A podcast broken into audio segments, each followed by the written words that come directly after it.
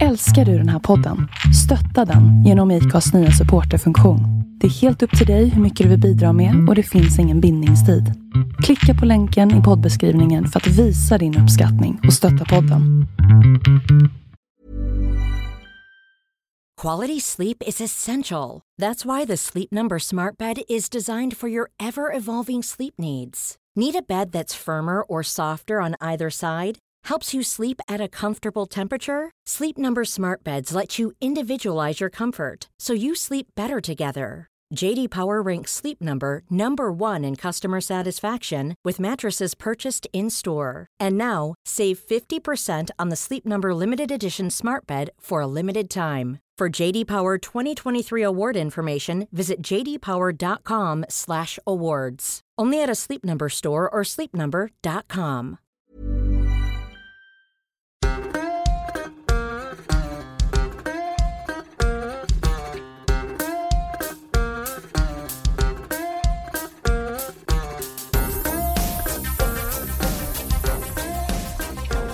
det dags att välkomna Johan Westerholm till Vi måste prata. Och att beskriva Johan Westerholm, det gör sig inte helt lätt.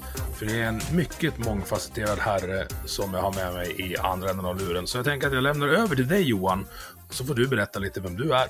Uh, ja, vad ska man säga? Det, uh, egentligen från början underrättelseofficer, eller sjöofficer egentligen.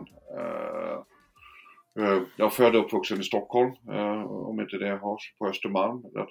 liksom närmare bestämt då, så att alla de här förutfattade meningarna kan slå in från början. Men mm. jag kommer göra alla besvikna för att 1997 tror jag det var så, efter att ha gjort då närmare 14 år i i eh, flottans uniform och då, de sista åren i underrättelsetjänst så valde jag då att pröva mina vingar i det civila och det här sammanföljer då med de här första stora försvarsneddragningarna och eh, jag såg ju framför mig att nej, det här kommer inte bli så himla mycket roligt. Va?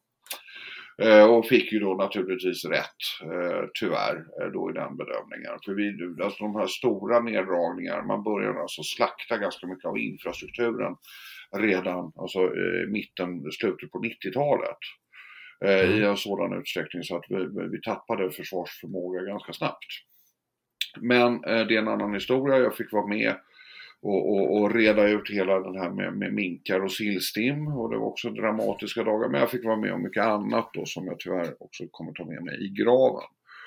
Eh, men ja, ja. ja, jag tänker mig att du säger minkar och sillstim, det handlar ju om ubåtsgrejen. Ja, ubåtsjakten. Ja. Jag, jag ser framför mig att du vet sanningen om ubåtskränkningarna, men du får inte säga den. Jag vet tillräckligt mycket för att inte få säga det. Mm.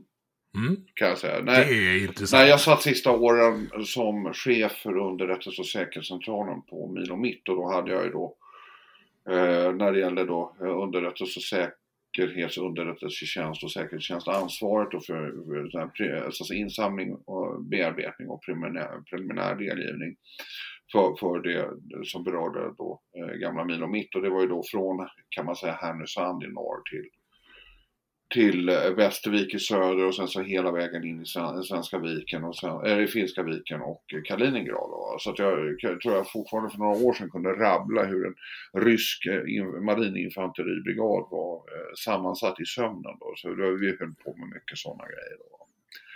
Det är ett ganska stökigt geografiskt område. Ja, idag är det ju det. Då, och då var det ju också det, det här, vi pratar ju då 90-tal. Så att det var ju då jag vet att jag var i Riga 1992 eh, som eskort då för eh, kungaparet som gjorde det första, Eh, det första statsbesöket i Riga. Eh, baltiska, efter, alltså, de baltiska staterna hade utropat sin självständighet och då blivit erkända då av, av sin omvärld. Och det, var, det var en stor upplevelse men där kommer jag ihåg att Eh, det, det, var, det var alltså en alltså Sovjetmakt i sönderfall verkligen. Alltså, det, även fast man hade retirerat så fanns det eh, stor ryskspråkig och etniska, eh, alltså etniska ryssar kvar i Baltikum vid den här tiden. Och det, mm. det var stökigt då. Eh, sen var jag nere några år senare, sen åkte jag ner tio år senare tror jag och, och, tittade och då var ju allt plundrat. Alltså alla ryska baser var ju eh, plundrade. Eh, man ryckte kopparledningar, ledningsutrustningar. För ryssarna de bara, de bara drog över natt. Kan man säga. Så, men det var ganska eh, det, det, det är intressant att se hur snabbt det gick eh, för ryssarna men också att då eh, egentligen bara montera ner en, en krigsmakt. Och jag kommer ihåg när vi löpte in då i Riga så såg vi de här Assa 1orna, Assa 2orna. Det vill säga, Vad är det för var alltså motsvarande våra robotbåtar hade bestyckade med fyra stycken SSN-2 Caesar. Eh, alltså eh, riktigt potenta eh, missiler, alltså attackmissiler då. Som, så, de, de, de sjönk vid kaj med vapnen kvar i tuberna. Va? Det, alltså, det var eh, ja, stor dramatik. Eller då, det, det, det var skakande att se va? Eh, ett imperium som föll sönder. Eh, men 97-98 där då, då, då gick jag sen då till Telia Eh, jag tillhör de som har eh, Televerkets eh, logga på mitt anställningskontrakt men på det första lönebeskedet så stod det Telias logga då. Och det var också en spännande eh, resa att omforma ett, en statlig myndighet som Televerket till ett affärsdrivande verk och sen så till ett börsnoterat bolag. Det här var en spännande resa för även där såg jag att liksom hur, hur man monterade ner stora delar av svensk infrastruktur. Och då tänker jag på kopparnätet. Eh, det vill mm. säga de här, för att jag tillsammans med några till på Telia Data, vi, vi var faktiskt uppe och uppvaktade Lars Berg och eh, då, dåvarande industri och näringsminister Björn Rosengren att privatisera gärna men sälj inte ut kopparnätet för kopparnätet är en nationell resurs. Eh, och har, det är infrastruktur ja, helt enkelt. Ja, precis. Det är en infrastruktur som vi har... Som, eh, och, och, den låter sig inte ersättas och det, det, går inte att köra ett kopparnät på lika kommersiella villkor om det en av operatörerna dessutom äger infrastrukturen. Och det här eh, fick vi ju då, så, alltså Björn Rosengren han sa bara det att ni är idioter som tycker det här jag vet bäst. Och eh, de kastade ut oss. Eh, vi var en liten delegation, som kastade ut oss från, från huvudkontoret i Farsta då och eh, ja, verkligen förnedrande. Men sen efteråt så Post och telestyrelsen konstaterade att ja, vi hade ju rätt som hade varnat för det här, att det gick inte. Plus att nu eh, kopparnätet rivs ju ner nu, demonteras och det finns en rad med, med, med brister i det här. För alla säger ja men vadå det går ju att ersätta med mobiltelefon. Jo men Eh, får du ett större strömavbrott i, i en region, då ska du veta att de här mobiltelefonmasterna de är bara dimensionerade för tre timmars batteritid. Och har du då strömavbrott på en vecka eller mer, ja då finns det inte någon täckning överhuvudtaget med telefoner i de eh, områdena. Eh, och sen det tredje är ju då att man river ju nu kopparnätet så delar av Sverige blir alltså utan telefontäckning. Och Björn Rosengren erkänner nu i sina memoarer eh, mitt i steg, då erkänner han att det där var nog det dummaste beslut han någonsin har fattat och jag är benägen att hålla med men han skällde ut oss efter noter när vi stod där i Farsta. Eh, finns, det någon, finns det något mer med kopparnätet förutom just strömavbrottsaspekten? Eh, ja, det, det, är avlyssningen. Va? Eh, det, det, det, det är så här, alltså kopparnätet är då eh, ATM, så det allmänna telenätet som det heter på försvarslingo var ju alltså en del av Försvarsmaktens infrastruktur också. Försvarsmakten hade mm. också en egen infrastruktur som hette FTN, Försvarets telenät. Eh, men de här sammanlänkades då för vissa eh, baser och så här, vissa tillfälliga baser så var man beroende av det här. Och, jag menar med ADSL och sånt där så går det ju att få upp den här och det där vet jag att jag, det var ju en av de grejerna som gjorde att jag slutade också på, i Försvarsmakten. För att jag skrev en rapport där jag sa att vissa system med hela omdaningen av IT och telekomsektorn så kommer inte vissa system kommer kunna köras på nationell basis. Och då frågade mina chefer, en kommendörkapten, men varför då? Jo, för att eh, i och med att FTN går över i ATN och ATN blir så att säga, eh, allmänna telefonnätet blir en kommersiell produkt eh, så släpps andra operatörer in och då kan inte Försvarsmakten ligga och köra hemlig eller kvalificerad hemlig eller ens konfidentiell information utan att den riskerar att tappas av.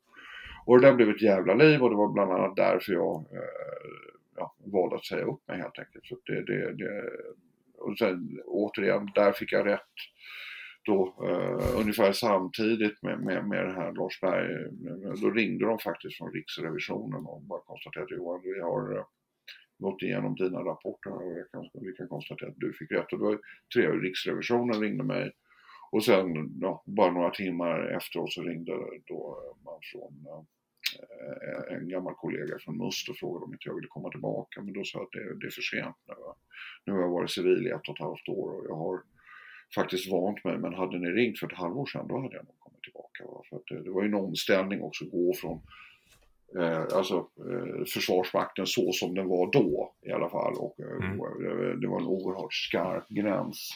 Eh, idag har eh, mina gamla kollegor säger till mig att du skulle aldrig känna igen dig i Försvarsmakten eh, längre. För det är väldigt mycket Ja, men där, där ser man ju också den här trenden av, av, av ska jag säga, utan att på något sätt sätta någon i klandervärd dagar här, men det finns ju alltså den här vänsterliberala moderna synsättet på ledarskap och man får inte kränka den ena och den andra och man ska eh, eh, jag vet att jag satt i en eh, radio, på eh, radiodebatt, eh, Sveriges Radio Konflikt med Robert Egnell, numera rektor för Försvarshögskolan, men då när han var assistant professor i, i eh, USA när hans fru var Ditte Egnell då var, var på ambassaden där. Hon Ditte jobbar på, ditt egna jobbar på UD. Eh, och då är det ganska vanligt att man, så att säga, Georgetown University, och då är det ganska vanligt att man ordnar sådana här medföljande program och i och med att han var docent redan i Sverige då så, så, så, kunde man då få in honom på ett utbytesprogram där och det var ju den titeln som gjorde då sen att han, han blev professor vid Försvarshögskolan och är idag rektor.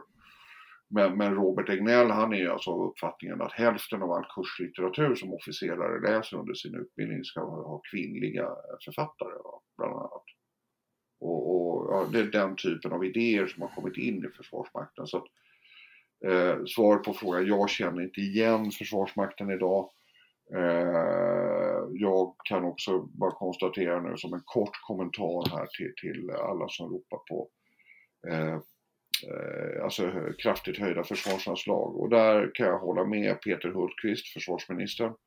Den takt man ökar försvarsbudgeten idag, det är en ganska väl avvägd takt. För jag har som sagt, jag har ju kontakt med mina gamla kurskamrater Många av dem, några av dem är, är amiraler, eh, andra är kommendörer, eller flottiljamiraler, kommendörkaptener, överstelöjtnanter för den delen och, och sitter i försvarsplaneringen. och de säger så här att Försvarsmakten är i sånt risigt skick just nu. Vi har en och en halv brigad som kan sättas in i strid.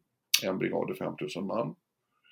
Eh, det, vi har en och en halv nu. Eh, vi saknar truppbefäl som kan utbilda värnpliktiga. Vi saknar kaserner, vi saknar eh, ungefär så att säga, mycket basic. Och det här kommer ta 10-15 år att, så att säga, bygga upp så att säga, infrastrukturen som krävs för att eh, utbilda eh, så att säga, nya generationers 91 Karlsson och 87 Axelsson. Va? eh, som, som ska ut och, och, och strida för oss. Och det här är alltså, Försvarsmakten befinner sig i ett läge att kastar man mer pengar på Försvarsmakten, det är ungefär som att ge en koncentrationslägerfånge en bit mjölkchoklad. De dör av sockerchocken. Mm. Eh, så illa är det. Va? Och, och, det är därför jag säger de här från borgerligt håll när man vill ösa in pengar. Ja, vill ni döda Försvarsmakten en gång för alla, då är det det ni ska göra. För allting kommer bara gå under en spiral av korruption och konstiga projekt i, i, i, eh, som inte har någon bäring alls. Vi har ju ett projekt här, den här eh, helikopter NH19 tror jag den heter, den här som, som, det går inte att flyga, den kostar en kvarts miljon i timmen att flyga. En kvarts miljon i timmen att flyga. Och då hade man då tidigare kastat ut de gamla Boeing 107 eh, erna eh, eh, som, som hette då tidigare. Alltså HKP4? Ja, HKP4 som kostade då motsvarande 20 000 kronor i timmen. För de som inte är lika möpiga som mig så det är alltså bananhelikoptern med två propellrar? Jupp, ja. Ja. Och, Men du, jag vill åter- Jo, ja, ja, men sen, ja, Ja. efter tiden, men det här, det här ligger lite grann i vad, vad som har format mig nu. Eh, Så gick jag till ett företag som inte finns längre, heter M2S och så flyttade jag ner till Spanien i två år. Först hade jag då öppnat Mm. ett dotterbolag eh, och pen- veckopendlade till eh, Oslo. Men sen så fick jag erbjudande att då bli verkställig eh, direktör och eh, sedermera då eh, consejero delegado, vilket är en fantastisk titel det, det på spanska. Så jag bodde i Madrid, eh, eller månadspendlade till Madrid i eh, nästan två år. Och där snubblade jag på den moriska kulturen eh, som kom att fascinera mig oerhört mycket. Kan jag säga. Och det är därför jag sen hamnade i att studera politisk islam och, och islamism och sådana saker. Men jag flyttade hem därifrån, IT-kraschen kom, pang bom och jag var tvungen att gå tillbaka och börja jobba som livvakt då. Efter att ha gjort ett år som väktare. Nu låter jag som James Bond och det är jag inte, utan jag är egentligen ganska rutten livvakt. För jag har inte, nej men seriöst, jag har inte de personliga egenskaper för att vara en riktigt bra eh, livvakt. Eh, jag är rastlös och det får inte en livvakt vara. En livvakt måste vara lugn, ha tålamod och klara långa perioder av tristess. Och det jag fick Det är mycket sitta still och, och titta, antar jag. Mm. Att, eh, Men du, ja. jag ska återkoppla. Du sa James Bond. Alltså när jag, när jag, när jag lyssnar på det du säger här. 14 år i flottan. Eh, Must ringer. Du var eskort till kungaparet i Riga. Alltså det är inte, och du är från Östermalm. Alltså det är inte James Bond jag ser, utan det är ju Carl Hamilton du beskriver här. Ja, det, är inte heller det skulle jag vilja säga. Va? Ehm, jag har däremot så har jag träffat några av förebilderna eh, som Jan Guillou hade för eh, sin, sin karaktär Carl Hamilton. Bland annat sekonden på ubåten. Eh, jag tror att det är i hans tredje bok. Eh, känner jag ganska väl faktiskt. Eh, men, men, alltså jag är men jag är inte James Bond och i sådana fall är det både 30 år sedan och 30 kilo sedan. Va? Så att, men om jag någonsin har varit det. Så att det, det, jag, jag, jag sitter mer på insamling och analyssidan va, helt enkelt. Mm.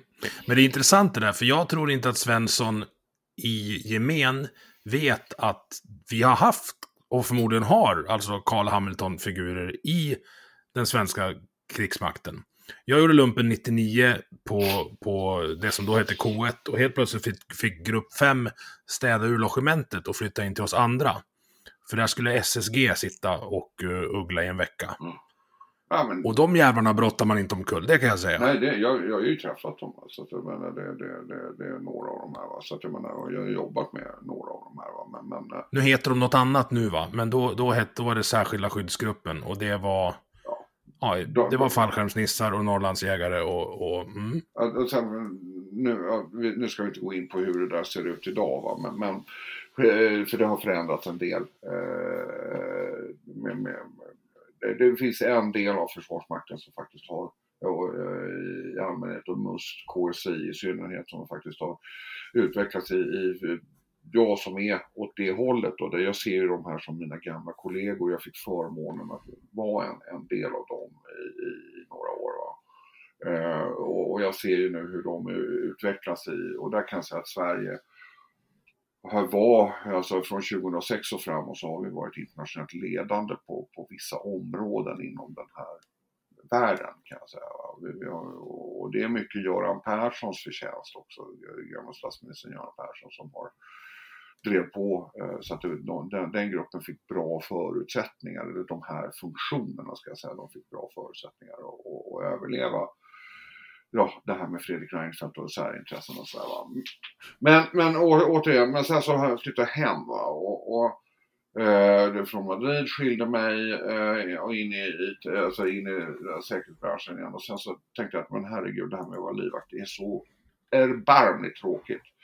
Så jag började ta med mig böcker om Mellanöstern eh, så att säga, för att sitta och jobba natt va? för att då, då är det lugnt och sansat och då, då behöver man Eh, ja, eh, det, det är lite av annan karaktär än dag, dagjobben då. Och, eh, men sen upptäckte jag liksom efter ett år, när jag blev riktigt uttråkad, att, ursäkta mig, eh, att jag hade läst liksom första läsårets litteratur i, på Mellanösternprogrammet.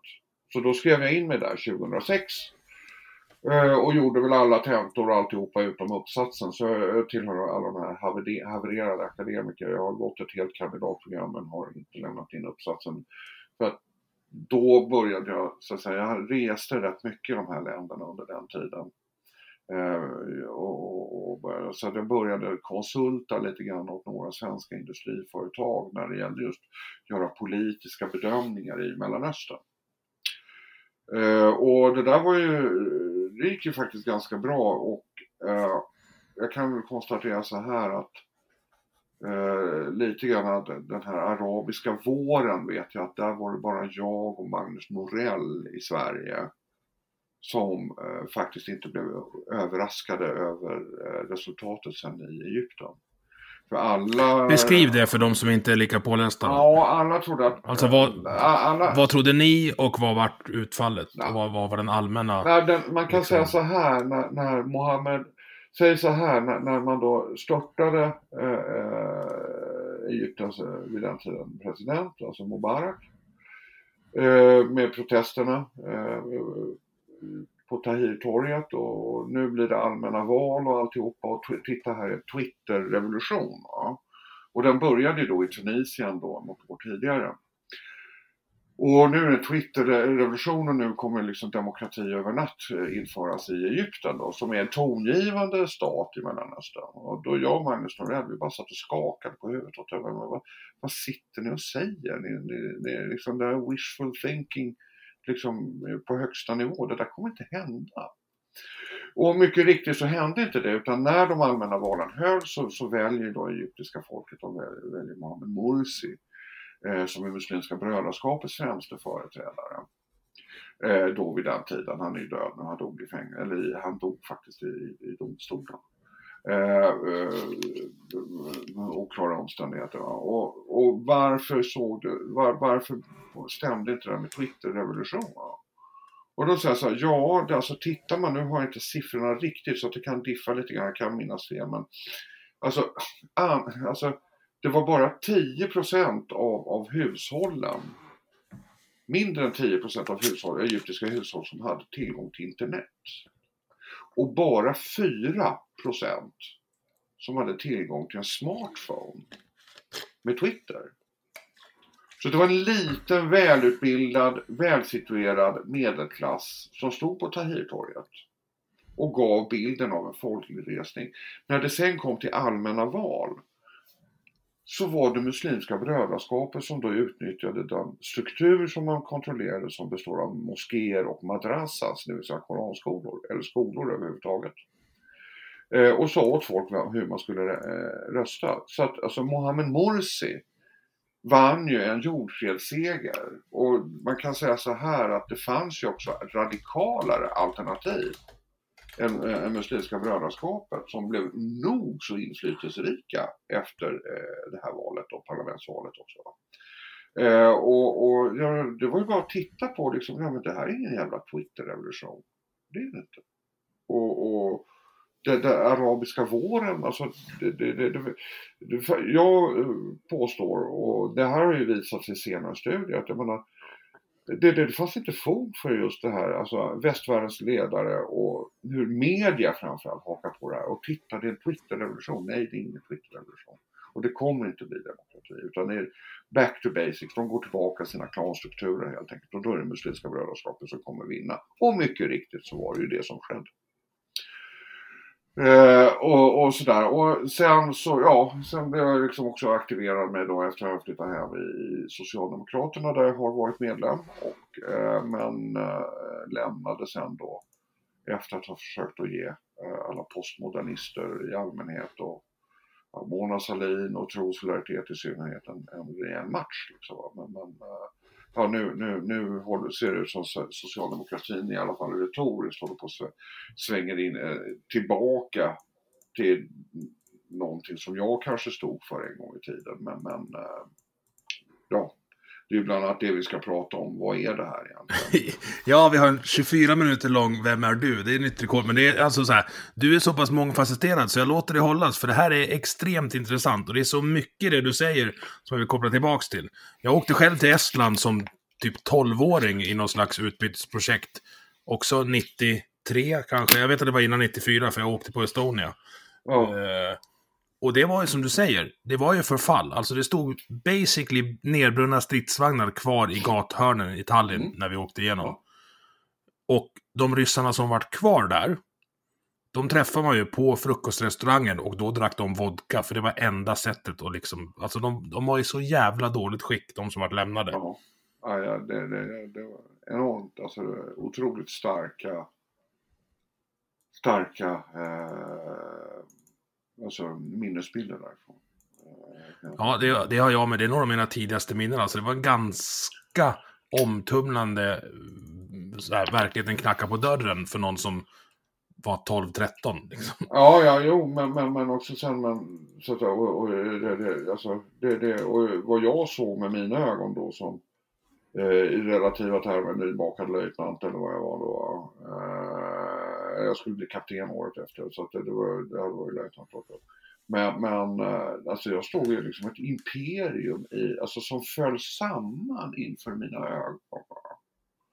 Och då hade jag ju bara några år tidigare då som officer också varit, eh, stått och tittat på alltså, Berlinmuren och muren då när jag hade varit i Hamburg och Kiel och ja, åkt med och, och tittat på det här. Alltså, men, men bara se allting rämna. Eh, eh, och sen också det här då tio år senare när jag kunde åka dit och titta på vad, vad är det som finns kvar. Jag menar det, eh, ja, ja, det finns ju flera som har, har fått har, som jag delar de här bilderna med. Men jag kan säga att det där har Ja, det, det, det, det var en omtumlande, det är fortfarande idag en omtumlande eh, upplevelse att se en supermakt, en kärnvapenmakt, liksom bara delaminera.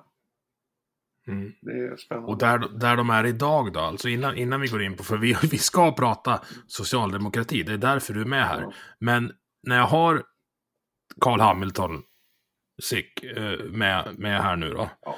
Eh, vad är din analys av Ryssland-Ukraina-situationen just nu? Ja, Jag, jag blir så trött på alla eh, som blir förvånade över vad Vladimir Putin håller på med. Jag skrev en essä om det 2015 i Dagens Samhälle och den håller fortfarande. Och nu såg jag Dick Harrison, historikern, eh, eh, professor i historia, eh, säger samma sak i Svenska Dagbladet här i förra veckan. Alltså, för att förstå Vladimir Putin, det, det är väldigt enkelt att förstå. Han gör exakt det som Peter den store eh, drog upp linjerna för. Ryssland, Rodina, moder Ryssland, ska omges av ett antal buffertstater. Eh, eh, och han, vill, han strävar hela tiden efter en isfri passage mellan Öresund och Bälten till eh, eh Atlanten. Eh, det, det, här, det här har så att säga, Peter den store sagt som en grunddoktrin och varje rysk ledare och sovjetisk ledare och nu rysk ledare igen strävar efter samma mål. Eh, ryssen är, och det här lärde jag mig liksom när, när jag gick de här första kurserna och sen så när vi jobbade då, när jag, satt, jag hade mina befattningar inom underrättelsetjänst. Alltså Lavrov, alltså Rysslands nuvarande eh, utrikesminister, eh, eh, alltså Jens Stoltenberg då som är, är generalsekreterare för NATO. Han berättade då i förra årets sommarprat här, sommaren 2021, ett otroligt bra program som jag tycker ni ska lyssna på. Eh, men han säger så han hade ett möte med Lavrov och Lavrov sitter liksom, Lavrov är väldigt mycket ryss. Eh, han säger, "Nej, men var, var, var, varför är det liksom vi har det på det här sättet? Och då säger Lavrov, han bara lutar sig fram och säger, men vi kan ju inte lita på er europeer. Eller västeuropeer. Vad då säger Stoltenberg. För det första så byter ni ledare hela tiden. Okej. För det andra har ni faktiskt försökt att invadera oss tre gånger. Karl XII, Napoleon och Hitler. Varför ska vi lita på er? Okej. Fair enough. Peter den store och Lavrovs sammanfattning, den säger allt. Det är det som förklarar situationen i Ukraina. Mm. Vad tror du kommer hända då? Ja, marionett eh, regering i, i Kiev. Eh, eh, att eh, Ryssland, eh, det, det, det, det är sån light-versionen då. Eh, att man på något sätt eh, går in där. Eller att eh, nästa steg är ju då att Ryssland annekterar de östra delarna av Ukraina som är befolkade med etniska ryssar i, i stor mån. Eh, man har ju redan annekterat och det gör man då för att dels de etniska ryssarna ska då hamna under ryskt beskydd samt att man vill ju ha landförbindelse med Krim och inte den här bron som man har byggt. Mm. Och, och så, här. så att det, jag menar han kär, alltså Putin, eller det är inte Putin, det är Ryssland äter sig tillbaka tugga för tugga det som Peter den store började bygga upp. Eh, och tittar vi då på invasionen av Krim, den har ju några år på nacken. Ja, det har ju lugnat sig lite nu. Nu är det dags för att ta nästa tugga. Mm. Vladimir Putin är fullt medveten om att han kommer inte ha återskapat eh, det forna Sovjetunionens intressesfär under sin livstid. Men han har börjat resan och den resan kommer slutföras av nästa eller nästa, nästa generation. Det, det, alltså de, ett helt annat tidsperspektiv. Mm. Jag tänker så här också, alltså. Det ställer ju väst, i den mån det finns något slags enat väst, inför ett extremt dilemma. Alltså om de skulle få, om ryssarna skulle få sin buffertzon, så kanske det skulle bli lugnt. Men för att ge buffertzonen så måste man ju offra andra länders suveränitet och territorium. Ja, och det är ju inget lätt beslut att ta. Säg så här, Ryssland är inte tillfredsställda för de har uppnått det de vill. Alltså det forna Sovjetunionens krans av buffertstater samt det som Sovjetunionen, eh, vare sig Peter den store eller, eller, eh, eller Ryssland då, eh, fram, fram, fram till den sista tsaren, eller för den delen eh, Sovjetunionen med. Det är fortfarande en isfri passage genom Öresund och Bälten till Atlanten. Det är det som är slutmålet. Du som är flott, alltså, från flottan, isfri passage de ska, de ska åka genom Öresund eller Bälten. Hur funkar det med internationellt vatten när det är så pass trångt som det är? Jag sitter och kollar på en karta nu alltså. Det, finns inget internationellt vatten där. Utan det, det, det, det, gränsen går mitt i. Punkt. Men vi är skyldiga att lämna passage? Vi är skyldiga att lämna passage. Men de vill ha kontroll över passagen. Det är det de vill. När du säger kontroll över passagen, alltså så här, vill de ta Skåne och Danmark som de tog Krim? Är det ens i spel? Alltså under kalla kriget så var ju då det ett av de scenarier som vi övade på. Eh, för då hade ju då ryss, alltså, Sovjet, eh, alltså Östersjöflottan var, hade ju alltså eh, ett oproportionerligt stort antal eh, landstigningsfartyg. Som var också dimensionerade för de skånska stränderna. Alltså den ryska Östersjöflottan? Ja, den ryska Östersjöflottan. Ja. Som var dimensionerade för de ryska stränderna och även, eh, även i viss mån Gotland. Då. Eh, Gotland är ju en av nycklarna. Gotland och Bornholm är ju Alltså om Gotland är nyckeln till Östersjön så är Bornholm låset. Ja. Mm. Eh, och, och, och, och sådär. Så, men det här var ju så att säga eh, scenarier som vi, vi ständigt tränade på. Och vi hade ju då eh, ja, en god beredskap vågar jag påstå eh, för, för att kunna möta en sån. Och det har ju, var ju då den svenska eh, försvarsdoktrinen att det ska kännas rejält om man vill ta Gotland och börja tillskansa sig fri passage genom Öresund och Bälten. Det, det, det, ska mm. kännas rejält. Det ska, priset ska vara högre än insatsen. Mm. Och då hade vi stridsvagnar, vi hade pansar på Gotland. Hur såg befästningarna på Bornholm ut då? Ja, det är Danmark va? Så det, det, det, det, ja. det, de, de är också goda. Jag, jag, antar att du vet det? Ja, ja, ja, ja nej, nej, nej, jag är inte Carl Hamilton. Nej, men alltså det, det, då fanns det en adekvat, eh, en adekvat eh, terrorbalans i Östersjön. Va? Eh, och man ska också veta då att det här skedde ju då, det här var ju en långsam process också som skedde med, med, med en rad olika medel. Alltså 86 då delades ju då Eh, alltså Palme mördades eh, i, i vad var det, januari, februari tror jag det var. Jag, jag var nämligen i Alexandria då, kommer jag ihåg, flottans långresa. Eh, så att jag, jag har alibi eh, för det, det dygnet kan jag säga. Ja, jag, jag, jag, jag satt, eh, eh Eh, vi höll på att löpa in då, kommer jag ihåg, eh, till, till Alexandria. Men i alla fall, eh, där har vi då, alltså vi pratar om det här Nord Stream som då går genom Östersjön. Ja. Och Nord Stream mm. går genom någonting som kallas för den vita zonen.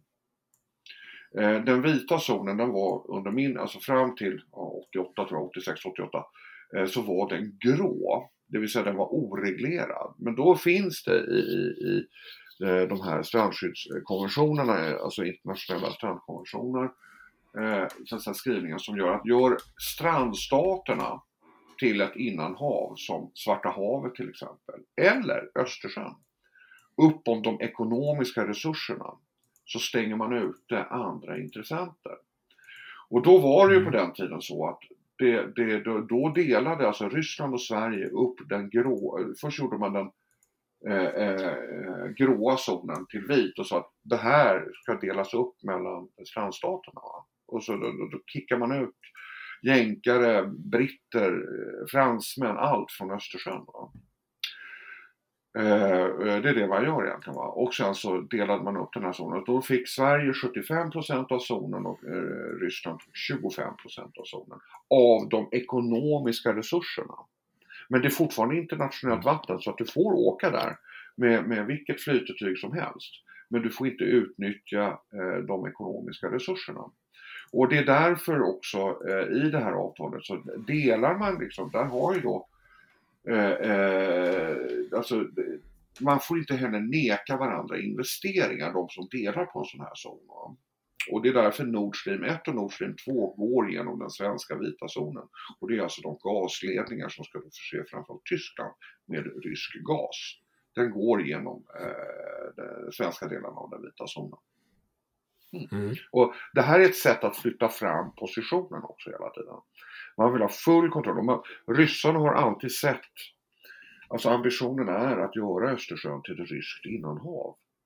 Och på min tid så genomfördes alla avancerade vapenprover, eh, vapentester och nya fartygstyper, de testades i Östersjön. Så alltså alla mina år som sjöofficer, vi var ju ofta nere på spaningssvep i, i, i eh, alltså ner mot Kaliningrad och, och den baltiska kusten. Då. Så det var, det var så här vardagsgöromål höll jag på att säga. Så jag har ju sett de här alltså korvetter och robotbåtar och kryssare och allt möjligt som har gjort eh, då, eh, tester och sådana saker. Det är också ganska spännande. När vi, var som, när vi var som störst, alltså du sa att det ska kosta att ta Sverige. Ja. Jag tror att Carl, Carl Bildtsson och liknande också. Ja. Storlek, eller styrkeförhållanden ryska Östersjöflottan kontra svenska? Ja. Var de jämnbördiga? Eller var vi... nej alltså vi, vi har ju haft en doktrin som har baserat sig väldigt mycket på flyg, flygvapnet. Eh, så, mm. flyg och ubåtar. Det har varit våra paradnummer eh, och är fortfarande våra paradnummer. Alltså vår ubåts, eh, alltså, ubåtskompetens är, alltså den är vida känd som, som alltså en av de absolut, absolut bästa i världen. Både på att bygga ubåtar ja, och att... Vi skickade över Näcken och lekte med jänkarna under ett år till exempel. Ja, det var, alltså, ja, ja det, det, var en kurskamrat till mig som var fartygschef då. Inte på Näcken men på Östergötland. Eller Södermanland. Och en granne till mig som var på, på andra. Vi har en ubåtskapten från Insjön nämligen. Ja, okej. Okay. men, men, men, nej, men alltså det, det, det, de snurrade ju upp jänkarna på läktaren där i Medelhavet kan jag säga. Det var ju de duktiga. Och framförallt svensk flyg. Eh, Viggen-systemet var, var ju alltså var ett av våra absolut viktigaste skydd. Just det, hela Viggen-systemet, det kan vi prata i timmar om.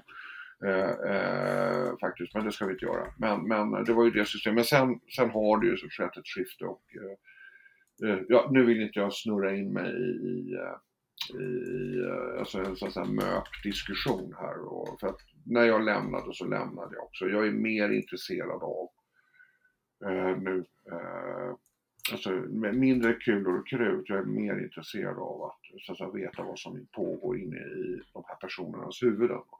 Och det är därför jag säger, mm. alltså det här med Putin, alltså att folk inte fattar det, att han gör precis det som Peter den store lovade att han skulle genomföra. Och ett annat tidsperspektiv, de är medvetna om att det är skitsamma om det tar fem år eller 200 år, men det där är det de ska genomföra. Och de har blivit avbrutna, som Lavrov säger, tre gånger. För att ledarna i väst går ju inte att lita på. De har invaderat oss tre gånger.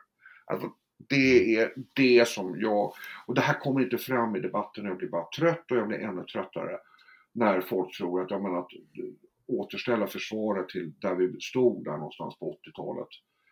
Eh, där, vi, där vi fortfarande hade några jagare liksom, kvar och, och vi hade ett mycket, mycket potent av första flygeskadan, Alltså krigsorganisationen för flyget oerhört potent. Vi hade 12 ubåtar. Eh, nu har vi tre.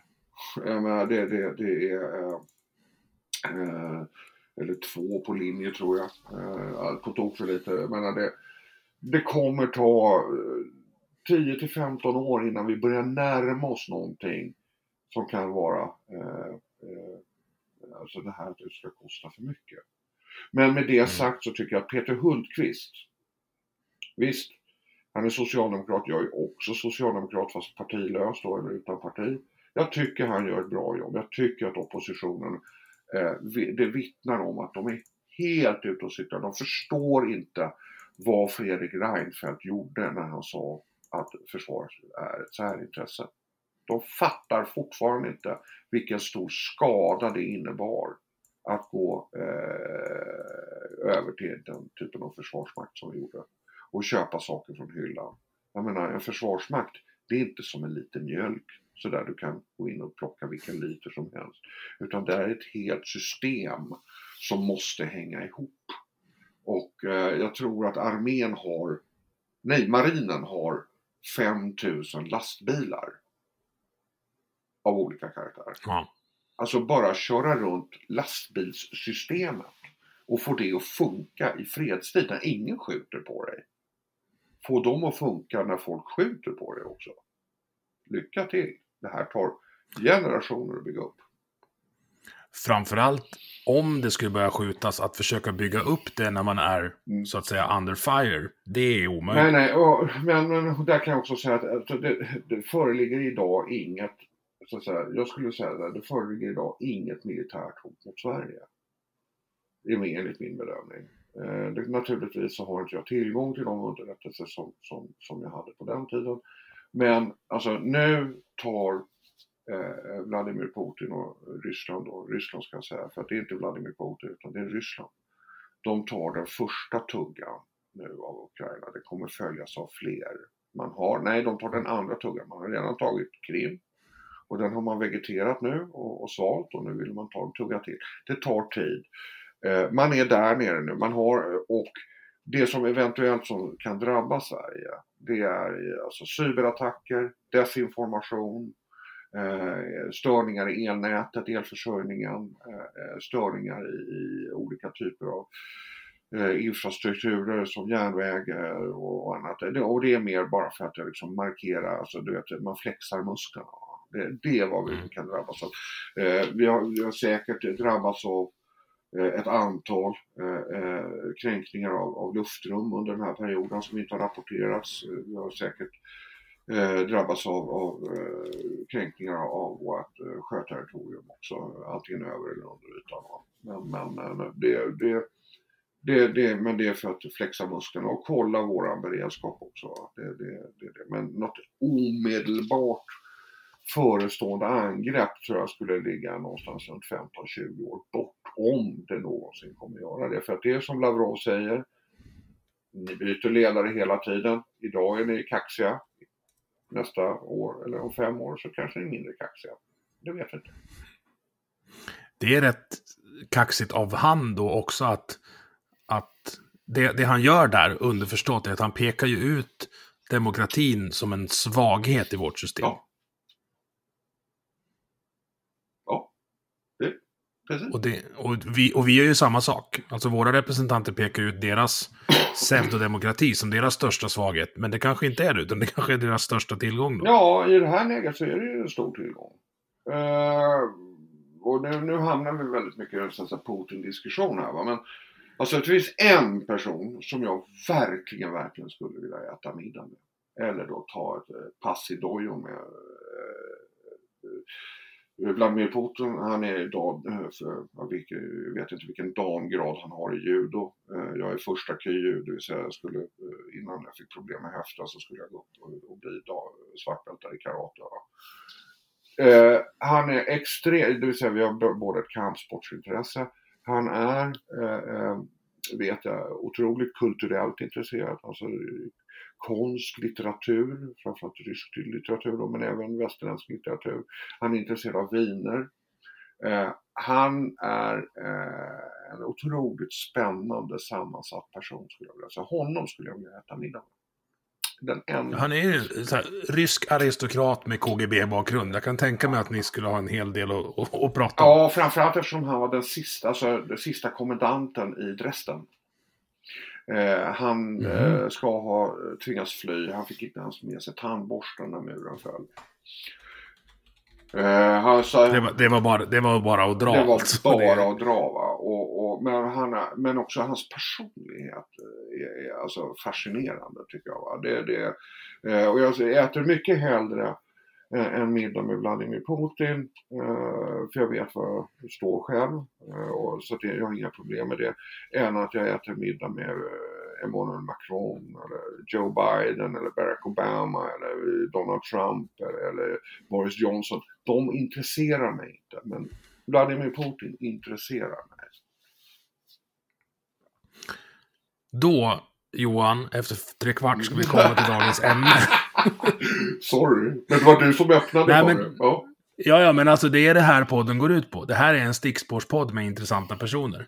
Jag försöker att inte avbryta så mycket. Jag skulle vilja prata jättemycket Berlinmur med dig till exempel. Oh, för det, kan vi prata länge. Det kan men det, det, får vi ta nästa avsnitt. Men du säger rakt ut, jag är socialdemokrat, men jag har inget parti. Mm. Det, det vill jag att du går in på djupt nu.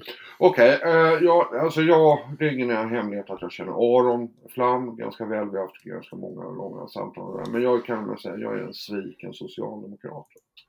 Eh, när jag pratar med, med en av Olof Palmes och eh, Ingvar Carlsson och eh, Tage Erlanders närmaste medarbetare, så, alltså, hon var nära medarbetare till, till alla de här tre. Mycket, mycket närmare än vad folk vet. Jag tänker hålla henne anonym. De socialdemokrater som eh, eh, lyssnar på det här, eh, de, de, eh, som, de kommer säkert kanske känna igen eller de som vet, de, de, vet, de, vet, de vet. Men hon är, är, är ju då alltså hon säger så här, Johan du är en blandning mellan Tage Erlander och Ingvar Carlsson och i viss mån har du göra vissa egenskaper som Göran Persson har. Hon tar inte med Palme i det här, för Palme var liksom en annan personlighet och lite ideologiskt också. Men hon säger, du är framförallt en blandning av Tage Erlander. Du vet, eh, jag gillar eh, alltså, eh, en socialdemokratisk tänkare som heter Nils Karleby. Och jag har faktiskt givit ut mm. hans bok här i, i Retroperspektiv, Socialismen inför verkligheten eller socialdemokratin i verkligheten. Och den handlar liksom om det här med, med, med socialdemokrati, det som kallas för funktionssocialism.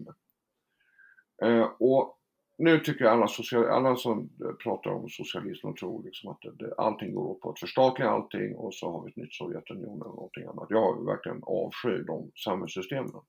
Men vad Nils Karleby han sa så här om man ska sammanfatta hans tankar.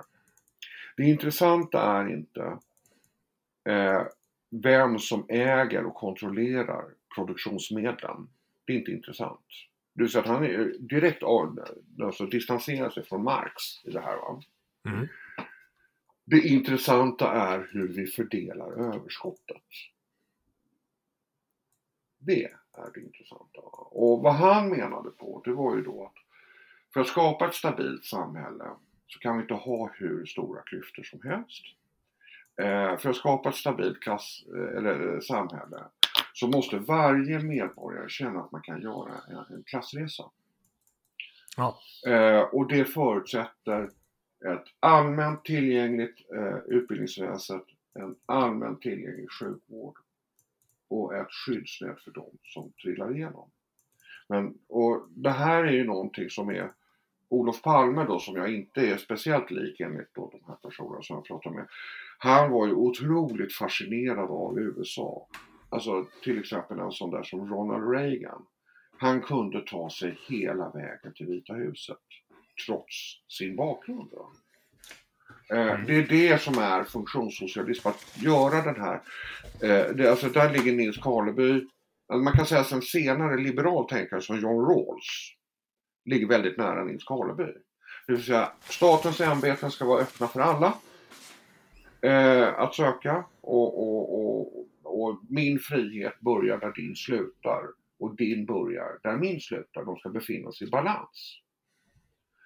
Fast nu är det ju att nosa på libertarianism, i varje fall i den senaste meningen du sa. Ja, men de ska befinna sig alltså, i balans, och när det är så att säga individens rättigheter. Vi får inte göra inkräkta, vi får inte inkräkta på varandras friheter. Nej, där, där är jag helt enig. Ja, och... Hur ser du på, eller hur, hur ser Karleby på ansvarsfördelningen? För jag, jag upplever att en av de grejerna som, som delar höger och vänster idag är att de på vänsterkanten tycker att ja, men så här, jag har det dåligt och vill ha det bättre. Det måste staten fixa åt mig. Oh. Medan högerkanten säger att ansvaret är, är ditt då. Att, ta, att göra den här klassresan, om du vill göra den. Alla vill ju inte göra den heller. Nej, alla vill inte göra Och där är min syn, om jag säger så här. Eh, det finns ju östers falanger i socialdemokratin, alltså, så att det finns de här hungriga, så, så, ständigt hungriga fågelungarna. Va? Som bara vill bli matade och, och, bara leva på bidrag. Och jag är inte det, utan jag säger så här, och det här ligger, det, här är ju då eh, Karleby, Elander, eh, även Karlsson. Va? Vi serverar verktygen för dig att göra din klassresa, men du måste vilja. Och gör du den inte, då, då har du gjort ett annat val. Va? Det vill säga att gör din plikt, kräv din rätt. I den ordningen. Ingen annan ordning. Mm. Och just den här, gör din plikt, kräv din rätt. Det är det som ligger till grund för det ursprungliga fackliga löftet. Och, eller de, ja. alltså uppbyggnaden av de första a-kassorna. Att alla gjorde sin plikt och la 25 öre i den här kaffeburken då. Det eh, skröna då. Och så att alla gör den plikten. Så länge vi lägger den här 25-öringen varje månad eller varje gång i kvartalet. Va? Då har vi sen rätten att ta del av den bufferten den dagen jag skulle bli arbetslös. Gör din plikt, kräv din rätt. I den ordningen. Ingen annan jämrans ordning helt enkelt. Mm. Det är inte förhandlingsbart. Eh, och det är så att säga ganska klassisk. Eh, sen måste vi också, för att liksom kunna, sen finns det de som är oerhört svaga, de, de föds med olika typer av handikapp. De, de, de, alltså, det kommer, då, då måste finnas liksom, någonting som kan även fånga dem anser jag. Men det, det är en så pass liten del så det kan vi alla bära. Det är alltså den mm. humanistiska delen. Alltså det, det, är inte så att 98% av Sveriges befolkning föds med Downs syndrom samtidigt. Liksom. Så är det inte. Eh, eh, eller, eller, eller något annat, liksom, så att säga, multihandikappad. Utan det, det, är en så pass liten del och där, där är det ju den här, och det var ju det som Fredrik Reinfeldt oerhört skickligt fångade upp, arbetslinjen. Va? Vi måste återupprätta den här. Och det var därför många arbetare, LO-kollektivet, kände igen sig i, i Fredrik Reinfeldts retorik. Nu tog vi så här, arbetslinjen, kräv, äh, gör din plikt, kräv din rätt. Svårare än så är det. Det den typen av socialdemokrat är jag. Va? Jag har den grundsynen. Och den går ju inte alltid i takt med, med det parti som heter Socialdemokratiska arbetarpartiet. Eh, under en period så gick den inte ens i takt med LO, LO när Karl Petter Thorwaldsson och Wagner Lundby Wedin var ordförande. De hade ju en bitvis annorlunda syn på saker och ting. Mm.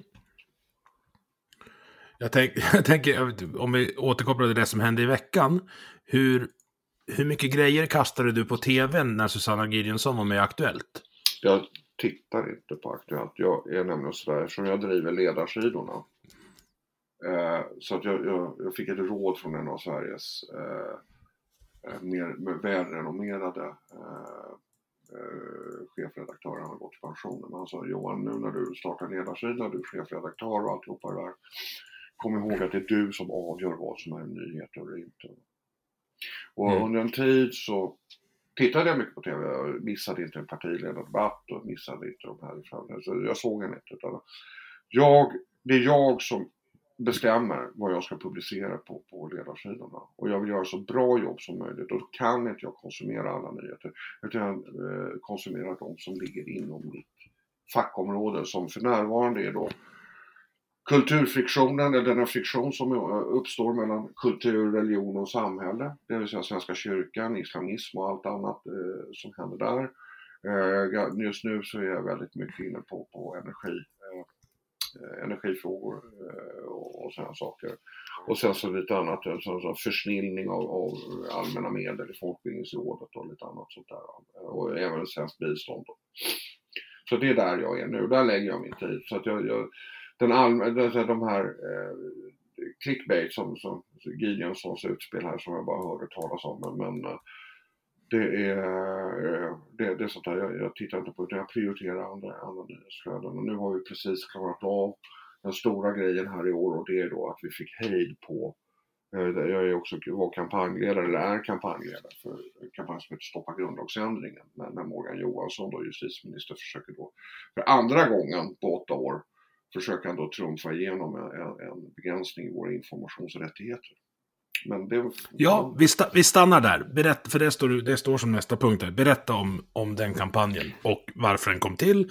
Vad den härliga sheriffen i Nottingham, Morgan Johansson, försökte få till igen. Ja, och han fick ju då, och nu tar jag din bild, han fick Carl Hamilton emot sig. Ja. Eh, och det sket sig för honom kan jag säga. Nej, men nej, nu, nej, jag är inte Carl Hamilton alls, jag, jag är liksom inte i närheten där. Men eh, vad, jag, vad, vad den bottnade i, det var det att eh, 2017 så, så lägger Eh, Eh, så kommer det en SOU, alltså en offentlig utredning som vill då begränsa, den vill göra, det är flera SOU som kommer då. Eh, bland annat var det en som ville då göra eh, eh nyhetsartiklar som sätter Sverige i en ofördelaktig dager i relation till, till eh, främmande makt eller eh, bi eller multilaterala, eh, bi eller multilaterala relationer. Den typen av nyhetsartiklar skulle då bli förbjudna även om de baserade sig på öppna källor. Man skulle då upphäva mycket av källskyddet. Eh, och det var ju som jag och Aron Flam konstaterade att den där uh, lagen är skräddarsydd för att sätta både honom och mig bakom gall, lås och bom i 14 år. Liksom. Det, det var, men den, blev, det... ja, den, den, den föll väldigt tidigt kan jag säga. ja, för det är helt obegripligt att man ens kan komma fram till en sån jävla dum grej. Ja, ja, oh ja. men den föll, och det var ju 20, SOU 2017-70. Men sen fanns det då en annan SOU då som sen blev en proposition och det var ju då att man ville begränsa Eh, eh, del delar av då, eh, det som kallas för informationsrättigheterna som vi har, eller informationsfriheter. Och det är då en av de universella mänskliga rättigheterna och det vill man göra genom att begränsa de, de kommersiella rättsdatabaserna. Det här låter jättetekniskt men egentligen så handlar det om att företag som Lexbase eh, och Bonnier har något motsvarande som heter, eh, nu kommer jag inte på det. Mr Koll va? Ja, Mr Koll och sen så har vi då Robert Aschberg, han har ju den här eh, och han har, har, har ju ett företag som håller på, alltså det ligger ju då tankar, eh, eh, alltså domstolsbeslut, domstolsförslag och lägger in det i en databas och så Lexbase då som är det mest eh, kända då säljer de här eh, domstolsbesluten eh, för de som vill göra en personkontroll eller någonting sånt där. Va? Ska jag anställa eh, en seriemördare eller finns han där? Vad är det för brott han har begått och, och sådana saker. Va? Och det här är ju då, ett domstolsbeslut är en offentlig handling. Mm. Eh, som alla, va? men det här ville då eh, eh, Eh, Eh, Morgan Johansson begränsa för det kunde ju då sätta de här stackars personerna då i, som begått brott och var, under utmätning då i, i klandervärda dagar och integritetskränkande. Och det här lanserar han då 2017 lägger han proppen. Eh, jag blev tillfrågad då av några stycken. Kan inte du bli kampanjledare för det här? Och då sa jag visst kan jag. Det blev det tillsammans med författaren och journalisten Helene Bergman som bor i Göteborg. Eh, utmärkt person eh, som jag tycker du ska intervjua också om jag får sälja in någonting här. Då ska jag det. Mm, det tar kontaktuppgifterna sen. Men, så att vi började driva den här kampanjen då och inledningsvis så såg det jäkligt mörkt ut. För det visade sig att hela oppositionen ställde sig liksom bakom den här begränsningen. Och vi kände att liksom, vad gör vi nu? Men då var Sverigedemokraterna i desperat behov av eh, eh, eh att liksom, eh, göra någon form av avtryck. Va? Och vi lyckades då eh, hitta, eller dels så hittade jag med god hjälp av, av eh, grundlagsexperter möjligheten att pressa fram en tvingande folkomröstning i eh, eh, grundlagsfrågor. För det är den enda folkomröstningen som är tvingande och som de kan då provocera fram genom lag. Mm. Och Sverigedemokraterna hade tillräckligt många mandat för att väcka frågan i riksdagen. Och då började det bli skakigt liksom, i oppositionen. Då. Det var jättedramatiska veckor. Och telefonen, min, min telefon gick varm till, till Liberalerna bland annat. Eh, när Sverigedemokraterna väl hade då lyssnat på oss och sagt att när vi hade berättat för dem lagtekniskt hur de kunde gå till vidare väga i riksdagen. Och eh, jag vet att jag sa det, framförde det till Jan Björklund via proxy att eh, ja, det kommer, jag har alltid röstat på Liberalerna eller folk, eh, då Folkpartiet eller Socialdemokraterna genom mitt liv. Eh, ni har en ställ, gjort ett ställningstagande här i en informationsrättighet och en frihet som gör att jag för första gången måste liksom rösta på Sverigedemokraterna istället. Och med den typen av argumentation då fick vi då eh, inte bara Liberalerna som gjorde en egen utredning på det här, alltså Jan Björklund lät göra en egen utredning vad den här frågan om och det visade sig att hans ledamot i KU hade ju bara suttit och sovit sig igenom eh, sammanträden, sammanträdena, hade inte alls svara upp vad det här skulle få för konsekvenser. Och andra jobbade, eh, så att säga, jobbade med, med att försöka påverka eh, Tobias Billström och Andreas Norlén. Och Andreas Norlén var då min främsta motståndare här, för han var ju dead against eh, att eh, lägga ner det här förslaget. Eh, men var tvungen att vika sig sen, när, för sen så föll Eh, och jag tror att Centerpartiet som föll som andra och Kristdemokraterna föll som tredje. Och då stod Moderaterna själva kvar. Vi kan ju inte stå själva här. Och då, då gjorde de en helomvändning där eh, samma vecka som, som KU skulle då eh, eh votera om det. Så att Morgan Johansson tvingades dra tillbaka det här förslaget och vart ju skitsur. Uh, och, det, det, tror jag är hans grundtillstånd. Uh, ja, det finns en detalj här som jag kan... Eh, det, det, allting är inte svart eller vitt. Uh, nu är det så att Morgan Johansson, jag vill inte något, så, han, har, han har inget demokratiskt DNA i kroppen. Vågar jag påstå. Men i alla fall, eller det är någon form av... ja, det funkar inte som mitt DNA i alla fall. Eh, men eh, sen i alla fall så trodde vi att okej, okay, nu så här, och då vad som händer då parlamentariskt är det att KU återvisade det förslaget då till eh, regeringen.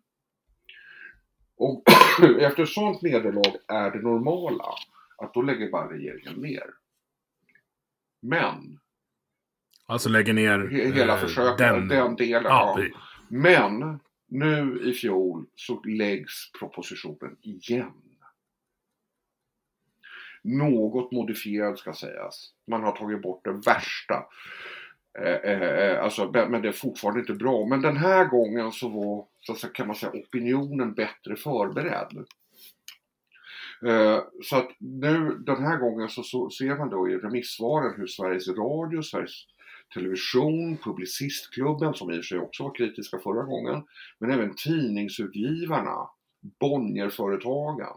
Alltså alla var djupt, djupt kritiska mot det här förslaget va, när det lades. Men, eh, eller då när, när det gick ut på remiss, men han lägger ändå förslaget.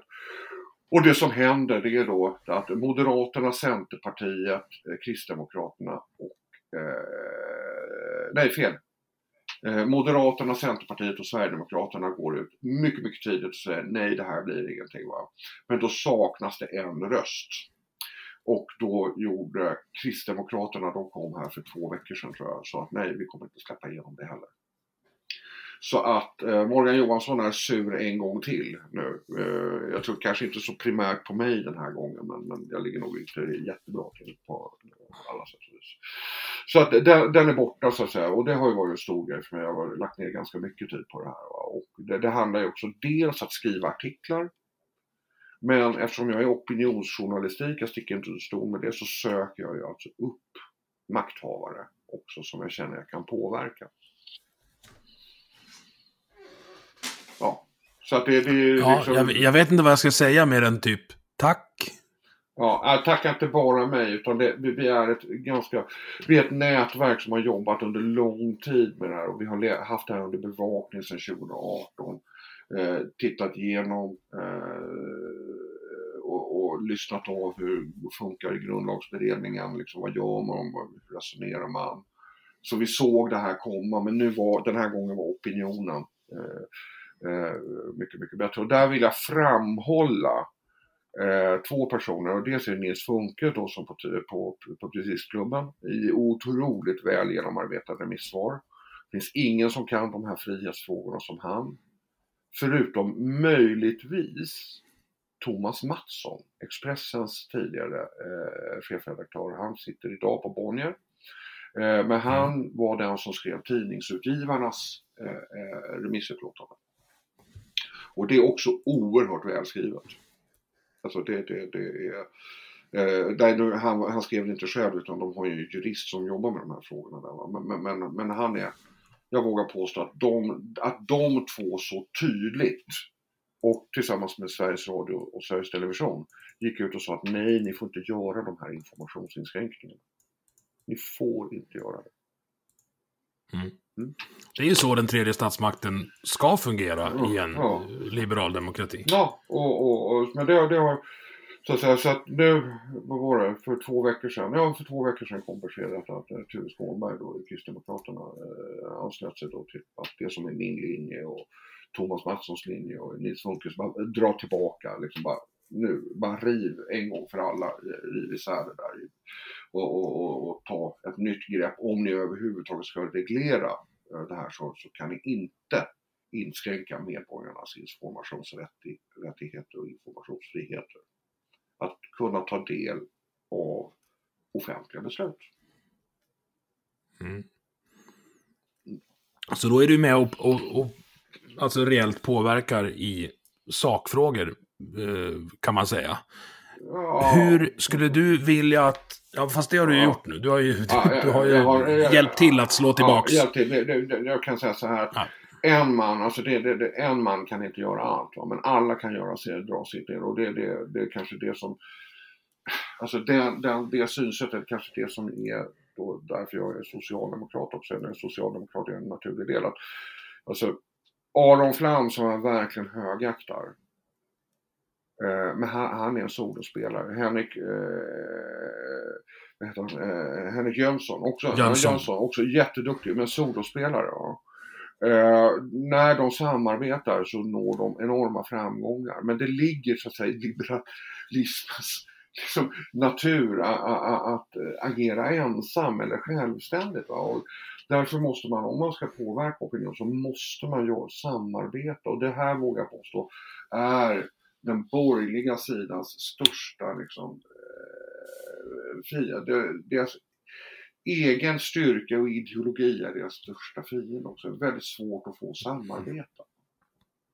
Ett extremt tydligt exempel på det tycker jag är Bulletin som tog in de största individualisterna i svensk media, satte dem i samma rum och trodde att de skulle samarbeta.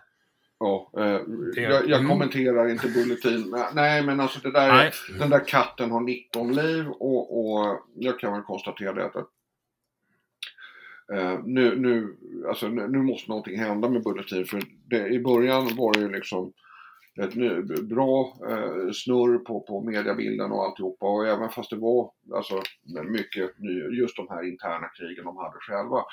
Alltså, jag ser dem inte citeras längre i den utsträckning som de måste göra för att, så att säga, jag bli det som Tino och Pontus och de andra hade som ambition och Paulina också för den delen. Va? Så att det, ja, någonting måste hända men jag kommenterar inte mer än så egentligen. Nej. Men om jag säger så här, jag ser, jag ser dig, jag ser Aron, jag ser Henrik, jag ser eh, grabbarna i Sista måltiden, jag ser Sandra gillar och Martin Bukt i, i Smultronstället. Det finns i varje fall konturerna av en trend att fler och fler tar bladet från munnen och säger vad de egentligen tycker i alla frågor. Ja, eh, det, det, det är väl så att jag menar den här åsiktskorridoren eller vad man kan säga så, så här att det, det, det är, eh, den har vidgats men det är också, också ett resultat av Många har tagit bladet från munnen. Jag började ta bladet från munnen 2012, det vill säga tio år sedan.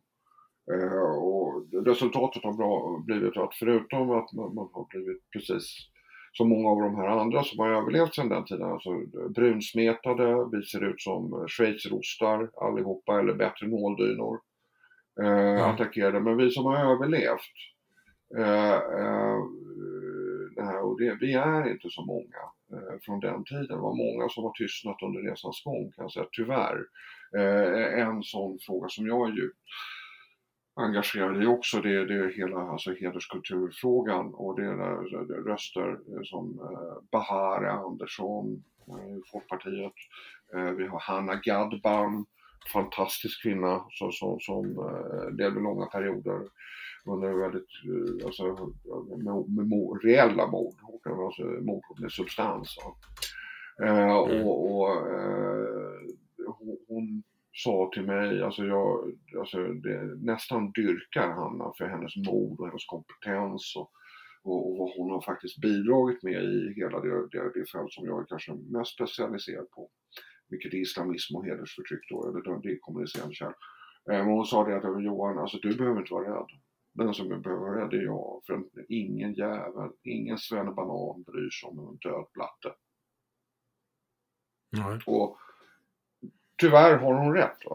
Eh, men, men alltså många försvarare, men jag kan säga så att jag, vad vi har gjort här lite grann, vi har bidragit till att det har blivit lättare för de som kommer efter.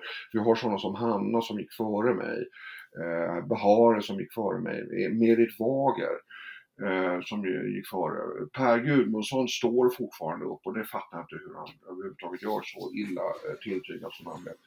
Men det är också en sån här liten grej, så här, det är i huvudsak kvinnor som har gått före i många av de här frågorna som jag jobbar med idag. Ja. Det, det är lite så här, vart tog alla eh, grabbar med sisu vägen? Va? Jag hade inte balls nog, ursäkta uttrycket va? men det, jag har träffat rätt många fegisar. Ja, men som sagt, de vart ju nåldyner, brunsmetade och, och eh, cancellade. Cancel culture ja. är ju, är ju ett, ett populärt uh, uttryck nu. Jag tänker, du, du har ju varit aktiv, eller du har varit ambassadör för Glöm aldrig Pela och Fadime, om jag inte missminner mig. Nej, det stämmer. Nej, precis. Mm. De vart ju också skitnödiga när Omar Makram satte sig vid samma poddmikrofon som, som Chang Frick. Det är också helt vansinnigt. Alltså, ingen kan peka på någonting sakligt som Omar har gjort fel, men han fick sparken. Ja, det är samma sak med vad händer Amine Kakabaveh när hon lägger upp en fel, fel video. Alltså, Amine Peshmerga, kommunist, alltså hon är, hon är alltså hardcore, mm. klassisk marxist. Eh, jag känner Amine lite grann, eller vi har träffats i det här. I det, här. Alltså, det finns ingenting rasistiskt i Amine, tvärtom så är hon hon är en av de tuffare brudarna. Alltså, alltså alla dessa kurdiska och persiska kvinnor, alltså de är hårda som flintar. I love all of them. Verkligen. Dyr... Jo, jag, vänta, vänta. Jag dyrkar dem. Ja. Men jag skulle aldrig komma ja. på tanken att gifta mig med en av dem. Aldrig! Nej. Men de är för, alltså de, de, de, är hardcore, alltså verkligen tuffa. Och jag älskar dem, alltså de är roliga, de är intelligenta, bildade, liksom allt. De har allt, vi har samsyn i väldigt mycket av alla de här persiska och kurdiska kvinnorna. Men jag skulle aldrig falla min tanken i, i, att gifta mig med dem, för de, det är liksom, oh, a hard cookie, liksom det, det, det nej, och, nej men alltså alla blir liksom misstänkliggjorda och, och det här eh, på ett sätt. Jag och Amine har ju blivit brunsmetade av bland annat eh, professor Mattias Gardell i en rapport som Gardell skrev för tankesmedjan Zeta.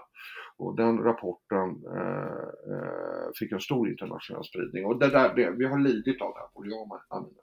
Och eh, pro, eh, då professor Aje Karlbom, han åkte med i den sleven också.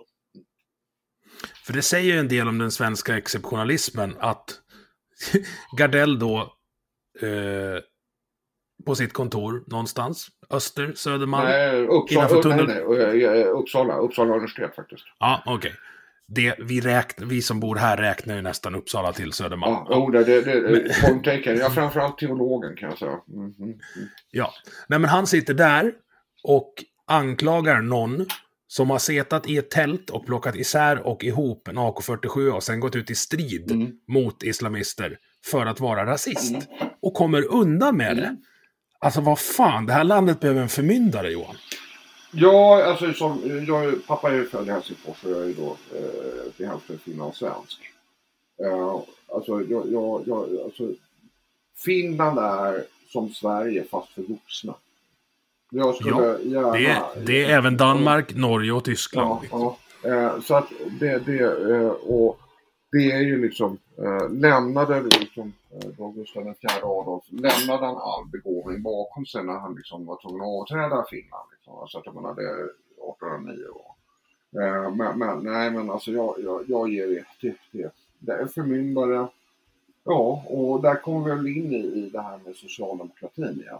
Och, och jag kan säga så här, socialdemokratin fram till och med Erlander, eller åtminstone fram, ja, fram till åtminstone Erlander. Eh, Palme, ett stickspår, jag kommer återkomma till det i min nästa bok. Eh, men, men Karlsson och Persson, alltså fungerade fortfarande eh, så att säga, statsförvaltningsmässigt. Va? Men efter 2006, 14 år sedan, nej, eh, vad är det, 16 år sedan. Eh, så hände mm. någonting med både socialdemokratin och Sverige. Eh, vågar jag påstå. Eh, eller det accelererade, även fast basen lades väldigt mycket under åren med Palme. Men, men, men därför, och Aron och jag vi pratar ju väldigt mycket om det här, men det var ju liksom åren med Palme som faktiskt vissa grejer eh, eh, satte, men frön så, eh, satte som vi nu skördar frukten av, eller tvingas äta frukten av. Eh, och jag håller med dig, förmyndare på något sätt. Det gäller att hitta tillbaka till den. Eh, Alltså till den traditionen. Och när det gäller socialdemokratin så vet jag inte riktigt idag eh, vilken substans som finns i den förändringsprocessen. Som, som är de facto. Vi har, vi har ju nu eh, Magdalena Andersson som är, är eh, den gamle på Torps dotter. Alltså den gamle på Torp är Göran Persson. Jag vet mm. att han, vi döpte honom till det när vi jobbade nere på Arpsund när han köpte torv. Den gamle, nu ska han åldras ja. som den gamle på torv. Jag vet att han garvar ja. åt det. Han gillar den titeln. Hon är inte hans dotter. Men hon, men, är, ja, hon är hans ideologiska eh, dotter. Va? Eh, men, och hon har, eh, jag har träffat henne några gånger, alltså hon har ett psyke som jag gillar. Eh, alltså något som, som, som är attraktivt. Eh, hon är en extrem eh, tävlingsmänniska. Eh, hon är mm. adrenalinjunkie, alltså hon är klippt och skuren för, för rollen som eh, eh, statsminister. Hon går på, hon kickar igång på adrenalin. Adrenalin har en lugnande effekt på henne. Mm. Eh, och det som Göran Persson sa, 80% av en statsministers vardag är problemlösning och adrenalin. Liksom. Det, det, är inget annat, det är bara 20% du regerar landet egentligen. Det är liksom 80% är att hålla de här, valla de här katterna framför dig, de här, som är, då kallas för ministrar. Eh, och, mm. och försöka få någonting vettigt gjort. Då. Men, men eh, men, men sen alltså, jag vet var hon står ungefär ideologiskt och jag vet, det, det är också så här, men hon har ju alltså ett jäkligt trasigt parti att ta med sig som är präglat av all den postmodernism som sjösattes i samband med 68-rörelsen. För 68-rörelsen är egentligen en epok. Eh, det var inte så att den dog ut och folk gick och sysselsatte sig med annat efter den klingade ut i mitten på 70-talet. Utan den satte sig där och den började gro. Och här har vi då Johan Sundén, en god vän till mig numera, som skrev boken 68-kyrkan. Så de som inte har läst den tycker jag ska läsa den. Han beskriver då hur den här marxistiska 68-vänstern kommer in i Svenska kyrkan och börjar omforma den Svenska kyrkan. Och det är därför vi har den Svenska kyrkan vi har idag med, med, med, med alltså, totala vänstervridning, totala förnekelse av sina, sitt ursprung, flörtar med islamister och, och, och militanta miljöorganisationer hej vilt och, och eh, ville utse Eh, Greta, eller det finns medlemmar eller företrädare som vill utse Greta Thunberg som till profet. Bara en sån sak. Det är ekumeniskt och teologiskt omöjligt om man då är överhuvudtaget orienterad i någon form av teologi eh, och ekumenik. Eh, jag har gått ur Svenska kyrkan by the way. Eh, jag säger. Och det gjorde jag för många år sedan när jag såg vart det här barkade. Det var faktiskt ett av mina första förtroendeuppdrag var jag invald i kyrkofullmäktige eh, i den, för, eh, det, den församlingen där jag bor i. Va? Men, men efter att ha sett bara den nivån från insidan och såg vilka stolligheter man hittade på, på stiftsnivå så var det typ att det här är inte min kyrka. Liksom. Jag, jag, är, jag är inte praktiserande troende eller troende alls i egentlig mening utan jag bara liksom dumpade det där och sa att det, liksom, jag har en tro möjligtvis det, men det har ingen annan med att göra. Och det, kan säga så här att och bara för att reta gallfeber på folk så gick jag och köpte mig prästtiteln i Universal Church of Life. faktiskt. Så att jag har faktiskt vigselrätt i New York om det är någon som vill uh, ha mig som vigselförrättare. Det är helt okej. Okay. Bara ni betalar biljetten och ja. bra hotell och så. Ska jag, gifta, ska jag gifta mig igen så är det du och jag och min nuvarande fru okay. i Madison Square Garden. Då. Ja, ja. Nej, jag har blanketterna hemma här så det är bara att fylla i. Så det, det, det så att, men jag funderar på att lägga 20 dollar till och titulera mig till biskop då. För det, det, det låter roligare. ja. Du, stickspår. Eh, igen. Mm. Men ett roligt sånt. Återigen, hur tror du att Magdalena kan föra, och nu blir det värdeord, men tror du att Magdalena kan föra in socialdemokratin tillbaks, i varje fall lite närmare verkligheten igen? Uh, nu ska vi se här. Eh, det finns förutsättningar. Det finns mekanismer som har satts igång. Det finns nätverk som har börjat agera i den riktningen. Eh, det är ingen slump att Anna Ardin och, eh, vad heter han, och eh, Trosolidaritet, eh, Mattias Irving lämnade partiet med buller och bång här i, för två veckor sedan. Eh, de lämnade mm. inte bara partiet, de lämnade Trosolidaritet och de lämnade också eh, sin gamla hemvist, föreningen Hjärta då, som jag skrivit en del om på ledarsidan. Eh, med, med, de säger att vi är socialdemokrati, socialdemokratin har lämnat oss. Och det här är alltså, enligt min mening, det här är Trosolidaritet och föreningen Hjärta är väldigt extrema organisationer väldigt extrema organisationer som vill ha fri, fri migration, öppna eh, liksom, eh, portarna till alla. Anna Radin var en av dem som ville profetförklara Svenska kyrkan. I sig var hon då företrädare för Equmeniakyrkan och inte Trossolidaritet när hon uttalade sig. Men eh, hon är diakon där också. Hon har skrivit en bok som heter Profetisk diakoni. Eh, som den som är nyfiken på i vilken riktning KG Hammar, för egentligen KG Hammar, som tryckte igång den här förändring, förändringsprocessen av, av eh, Svenska kyrkans ledning på riktigt, även fast det var då eh, processen var igång sedan många år tidigare. Men eh, där är det ju alltså en hel omdaning av då Svenska kyrkan och det finns ju så att säga, Svenska kyrkan har kommunicerande kärn med socialdemokratin genom trosolidaritet. Mm. Och det ska man veta att det här bandet är oerhört mäktigt, oerhört starkt och Ulla Löfven, det vill säga Stefan Löfven, vår förre statsministers hustru, sitter i kyrkomötet och kyrkomötet är ju då motsvarande kyr Svenska kyrkans riksdag.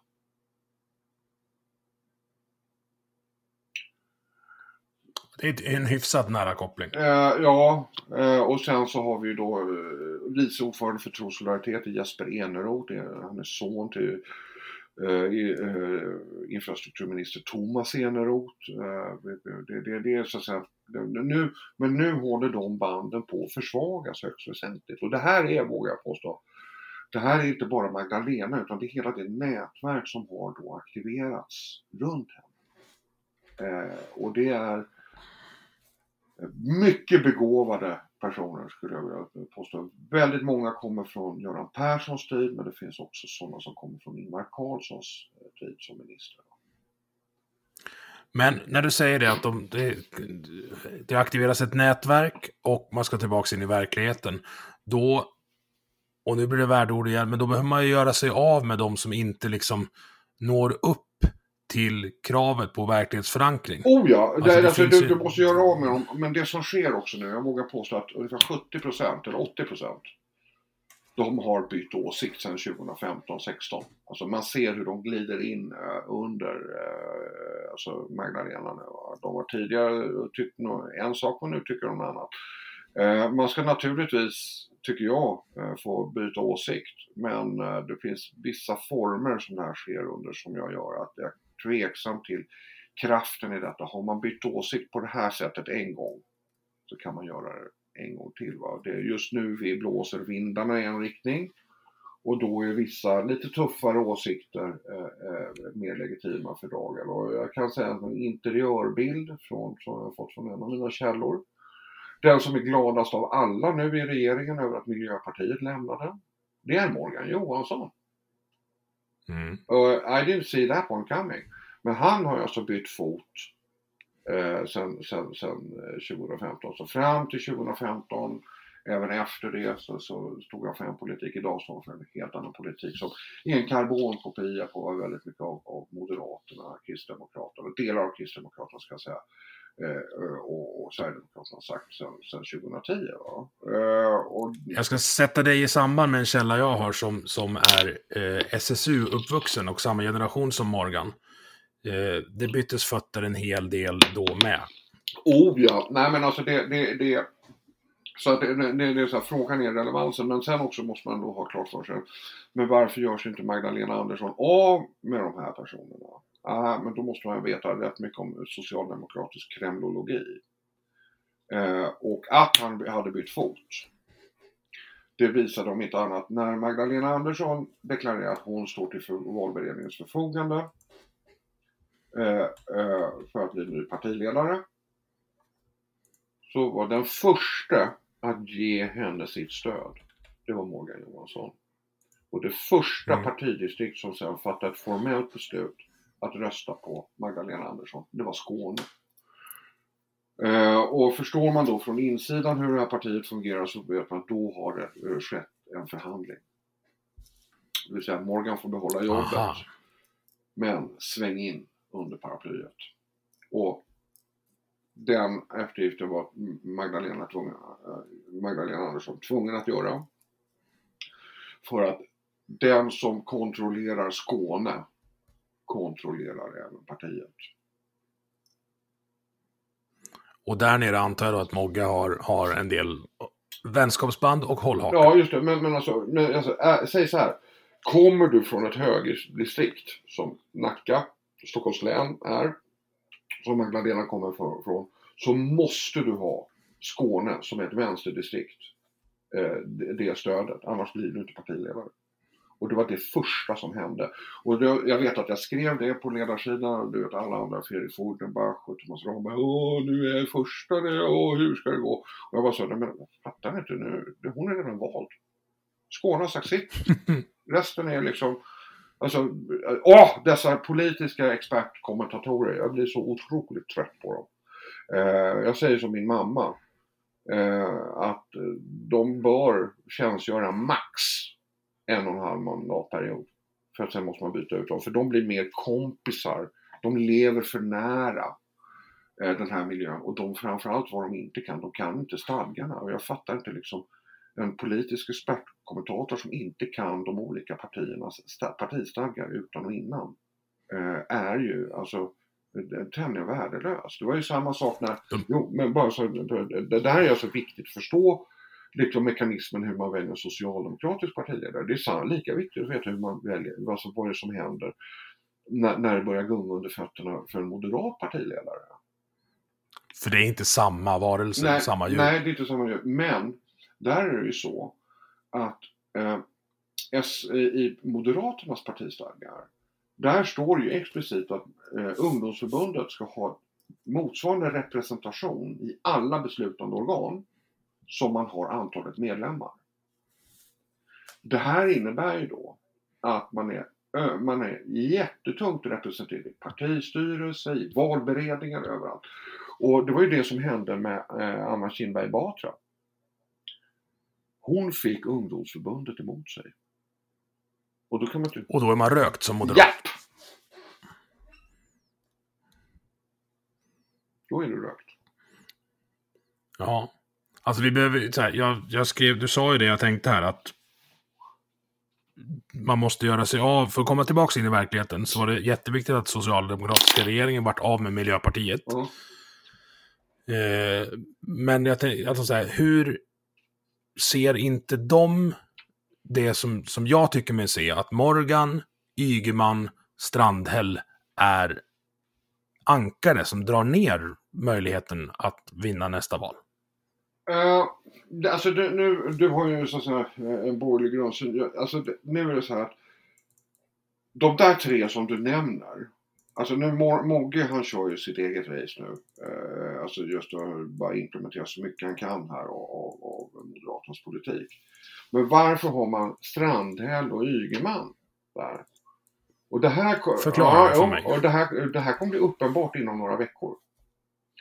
De finns kvar i regeringen för de vill dra över, alltså Miljöpartiet är så otroligt impopulära nu. Inte bara i riksdagen eller i Rosenbad, men också hos väljare. Va? Man är nere på 3 procent. Och, och, och, och nu har till och med Liberalerna gått om Miljöpartiet, vilket ingen trodde för ett halvår sedan. Eh, men verkligen, alltså de får ju ta skit nu. Miljöpartiet får ta rättmätigt skit för, för de höga elräkningarna, energikrisen och det ena med det. Ja. Eh, det, är deras, det är deras verk alltihopa. Eh, det är de som har drivit fram, eller pressat fram Socialdemokraterna till det här. Men de här tre personerna, de ligger ju då, eller fel, alltså eh, Ygeman och Strandhäll ligger väldigt nära Miljöpartiet i andra frågor. Eh, de är eh, lokomotiv för att dra över eh, eh alltså Miljöpartiväljare som börjar bli, tycka att men Per Bolund och Märta Stenevi kanske inte var så himla lattjo att ha. Ja, Okej. Okay. Eh, utan då, då, sådana som kan tänka sig, sådana miljöpartister som har Socialdemokraterna som andra val. Eh, och det här kommer bli uppenbart här inom ett par veckor och då kan jag släppa för din podd eh, den här poddens lyssnare vad det är som kommer komma. Jo, det kommer komma ett biståndsutspel i veckan fram till valet. Nu vet jag inte när startpunkten mm. för det här. För biståndsfrågorna är jätteviktiga frågor för Miljöpartiets eh, väljare och framförallt klimatbistånd. Det kommer man lansera här nu inom ett par veckor. Att man ska genomföra stora konferenser, satsa ännu mer på, på klimatbistånd och det är så viktigt och det, och det är för att, så att säga, och det, det är så att säga både man, man kapar Miljöpartiets väljare på det sättet, alltså tämligen och det ska man veta att liksom, Socialdemokraterna känner aldrig några lojalitetsband till, till andra partier utan ha, här har vi ett eh, parti på dekis, då tar vi och snor åt oss så mycket väljare vi kan och det här. Mm. Så det kommer komma. Spänn, spännande. Ett biståndsutspel i veckan alltså. Ja. Ja. Eh, och det kanske, det kanske är den sämsta sortens signalpolitik som finns. Ja, oh ja det, alltså, frågar du mig tycker jag, alltså, jag vill ju göra om biståndet. Jag vill gå ner på en Europanivå på 0,7 procent. Och sen så säger vi, ja då, då börjar barn svälta igen. Nej, nej, men sen ska, kan regeringen reservera de återstående 0,3 procenten efter eget huvud. I någon form av mm. katastrofbistånd liksom, för, för, för eh, jordbävningar och annat. Eller liksom verkligen gå in och göra, alltså, men det ingår inte i de så det generella biståndet liksom, utan, som då regleras genom något som kallas DAC-regler då, som OECD har sagt. För vill man må riktigt dåligt en dag, om man känner för att göra det, då kan man gå in och kolla vart biståndspengarna tar vägen. Oh ja, mm. oh ja. och det här, vi kommer nog finnas anledningar att känna oss mer spyfärdiga här under våren. Eh, eller sommaren, men, men eh, det, det, är en, eh, en sån, det är där man går nu för att eh, eh, ja, eh, ta och kapa miljöpartistiska väljare. Att man, man, man vill inte tillbaka och ha i regeringskansliet sitta med Miljöpartiet, man vill inte. Inte från då de, alltså, är, är, alltså den krets som finns då kring, kring Magdalena. Och nu, varför jag säger, alltså partiet är inte en person, utan partiet är ofta nätverk av olika slag. Och när man säger mm. det här med NATO-optionen. Eh, så som är, har gått och blivit en medial eh, grunkemoj här. Va? Det är också så här, men läs kongressbesluten. Även om Peter Hultqvist och Magdalena Andersson kan vara av uppfattningen att det måste till en eh, NATO-option. Så har de faktiskt, alltså, det, varje socialdemokratisk partiledare måste förhålla sig till kongressbeslutet. Eller de kongressbeslut som ja. fattade. Va? Och så länge man är statsminister så förfogar du över utrikespolitiken eh, utan att behöva gå till riksdagen och fråga. Va? Eh, och då utrikespolitiken, eh, den ligger alltid i regeringens egen hand. Alltså riksdagen har ingenting med det att göra, eller väldigt lite i alla fall, annat än man är kontrollmyndighet eller en kontrollinstans. Och där har man, alltså, det finns ingen NATO-option i kongressbeslutet. Snarare tvärtom att du får fortsatt alliansfrihet men vi ska fördjupa samarbetet och samövningar. Det är vad kongressen har beslutat om. Och det måste, det är skitsamma om det Tage Erlander skulle uppstå från de döda. Va? Han skulle inte kunna driva igenom det, för det är kongressen man har att rätta sig Och det här är ju så att säga, det är också en logik som, alltså, dels är en stadgefäst, va? men man måste förstå att det, det är så socialdemokratin fungerar. Faktiskt, det är kongressen. Det är det som händer mm. på kongressen, det är A och O att förstå det. Mm. Jag tror att jag har förstått lite mer hur socialdemokratin fungerar. Jag har inte riktigt förstått uh, uh, varför jag skulle rösta på dem. Uh, jag, vet, jag vet inte vem jag ska rösta på. Jag har inget ja, parti då, att rösta då, på. Jag är också par partilös. nej, men jag, jag är partilös. S säg så här. Helt partilös är jag inte. Utan Eh, jag kommer rösta på Socialdemokraterna i eh, kommunvalet. Alltså dels, för, dels för att jag känner företrädarna, jag vet vad det är för personer. Jag känner också motståndarna, det vill säga Moderaterna i det här fallet. Jag vet också vad det är för personer. Framförallt så vet jag mycket väl vem Centerpartiet går eh, fram med och det är Per Lodenius. Och Per Lodenius la sig helt platt för regeringen när man skulle då granska Folkbildningsrådet. Som jag har hållit på att granska sedan 2015 tillsammans med Rebecca Uvell. Va? Eh, väl. Och eh, alltså att han liksom går med på att liksom 4,4 miljarder per år ska liksom eh, ut i ett svart hål av korruption bestående av ABF och Ibn Rushd och alla andra konstiga studieförbund och, och folkhögskolor. Det, alltså det, han har förverkat sin rätt att få röst oavsett val va, i min värld, i min röst i alla fall. Eh, och sen så räcker det med, när jag säger Region Stockholm, om jag säger Nya Karolinska, så räcker mm. det för att inte rösta på något alliansparti. Den miljardrullningen ja. är nog det. Det var världens dyraste byggnad ett tag. Ja, du, ja, alltså du kunde ju bygga fyra Burj Dubai. Mm. För det, alltså det, fyra, så ett i varje väderstreck. Ett på Sandhamn, ett liksom åt Västeråshållet till, ett i Norrtälje och ett eh, på Landsort. Liksom, det hade du kunnat bygga. Fast du hade säkert stött på någon strandskydd. Ja, ja, det, det hade du gjort. Men, men, men alltså, det, alltså det, det, det, det är liksom de enda som har tjänat på den affären, det är Boston Consulting Group. Va? Och, eh, ju, och jävlar vad de har tjänat! Ja, och där är det så att det, det, det är alltså, jag har hört om en, okej okay, nu har vi fått snart en perfekt modell för sjukhus undrar hur vi ska göra oss av med patienterna för de stör ju verksamheten. Mm. Alltså, mm. Ja, och det är en lång historia, den kan vi berätta hur den växte fram faktiskt. Och där, där var jag, för jag satt nämligen, men det kan vi ta vid något annat tillfälle, jag satt i etiska prövningsnämnden, regeringsuppdrag då. Eh, och tittade på hur eh, regeringen Reinfeldt eh, riktade in stora delar av den medicinska forskningen. Så det här är en mm. jättelång det, det tar, vi, det tar vi nästa gång du med. Ja. Du, eh, avslutningsvis, berätta om ledarsidorna.se. Alltid opposition. Ja. Ja. Eh, ja, eh, bildades faktiskt, eh, eller grundades 2014 med i, den idén om att granska framförallt borgerlig, då var jag väsentligt mycket mer partilojal. Va? På den tiden, men för att granska eh, eh, borgerliga ledarsidor som jag tyckte då hade en urusel kvalitet. Men efter två veckor så insåg jag ju då helt plötsligt att de, de borgerliga ledarsidorna hade dålig kvalitet så var det ingenting alls mot vad vänstern hade som var liksom, eh, alltså du vet, aktiva eh, hjärnblödningar alltihopa. Alltså oerhört dåligt. Va? Så, sen ja, sen var jag väl lite vilsen i alla fall. Vad, vad ska jag göra? Och det var ju mycket av det här som vi så tidigare hängde med i nyhetsflödet. Och han så tills jag då träffade den här chefredaktören som jag lärt känna rätt väl. Han, när han säger till mig, glöm inte att det är du som bestämmer vad som är nyhet. Det, det är mm. ditt beslut. Va? Och då började väl jag liksom börja navigera mig fram. Så det var väl först 2017 som jag började begripa vad ledarsidor är egentligen. Va? Och ledarsidan.se ska bedriva granskande, opinions, granskande och grävande opinionsjournalistik i, de, i huvudsak i de eh, friktionsytor som uppstår mellan religion, kultur och samhälle. Det är ledarsidan.se. Men det... det blir en liten circle jerk här kanske, för, för mitt anledningen till att jag ens har den här podden som snart fyller 50 avsnitt är det, det är lite ditt fel. Det är lite du och, och så när du tog in Ann Heberlein som bara, vänta nu. Mm.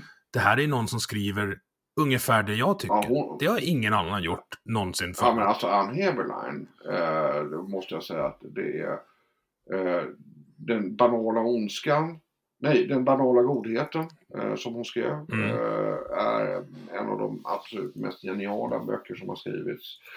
Eh, och, och, när Ann Heberlein skriver en bra artikel, alltså enligt hennes måttstock, för hon har ju också toppar och dalar. Men när hon skriver en bra mm. artikel, då är hon bättre än minst 99% av alla andra samhällsdebattörer. Alltså hon är också doktor i etik.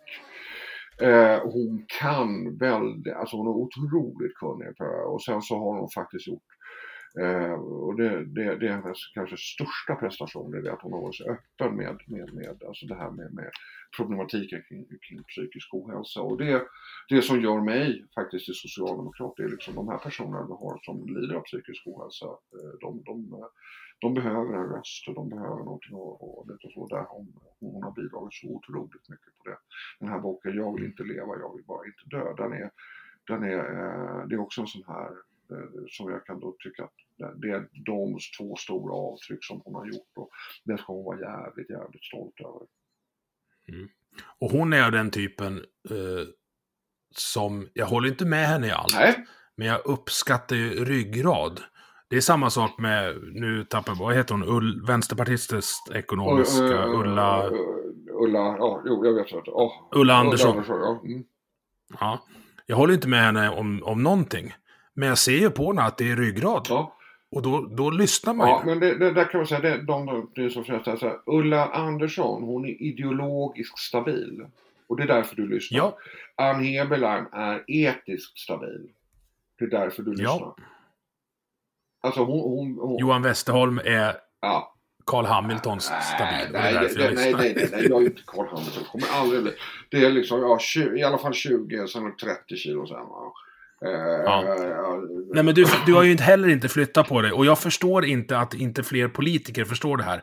Kolla när Nooshi Dadgostar borrade ner fötterna och bara “Jag flyttar mig inte i marknadshyrefrågan. Jag skiter i vad ni säger”. hon är också, ja, alltså, hon, hon, är, hon, ja. hon är spännande. Och jag, jag tyckte, jag har försökt få till en intervju med henne länge. För hon var när hon tillträdde den enda spännande personen i hela Sveriges riksdag. Den enda spännande. Nu tycker jag liksom ändå, alltså Magdalena Andersson hon gör ett bra jobb. Hon, hon, det är också, men, men det är fortfarande Dadgostar skulle jag bra gärna vilja ta en kopp kaffe med.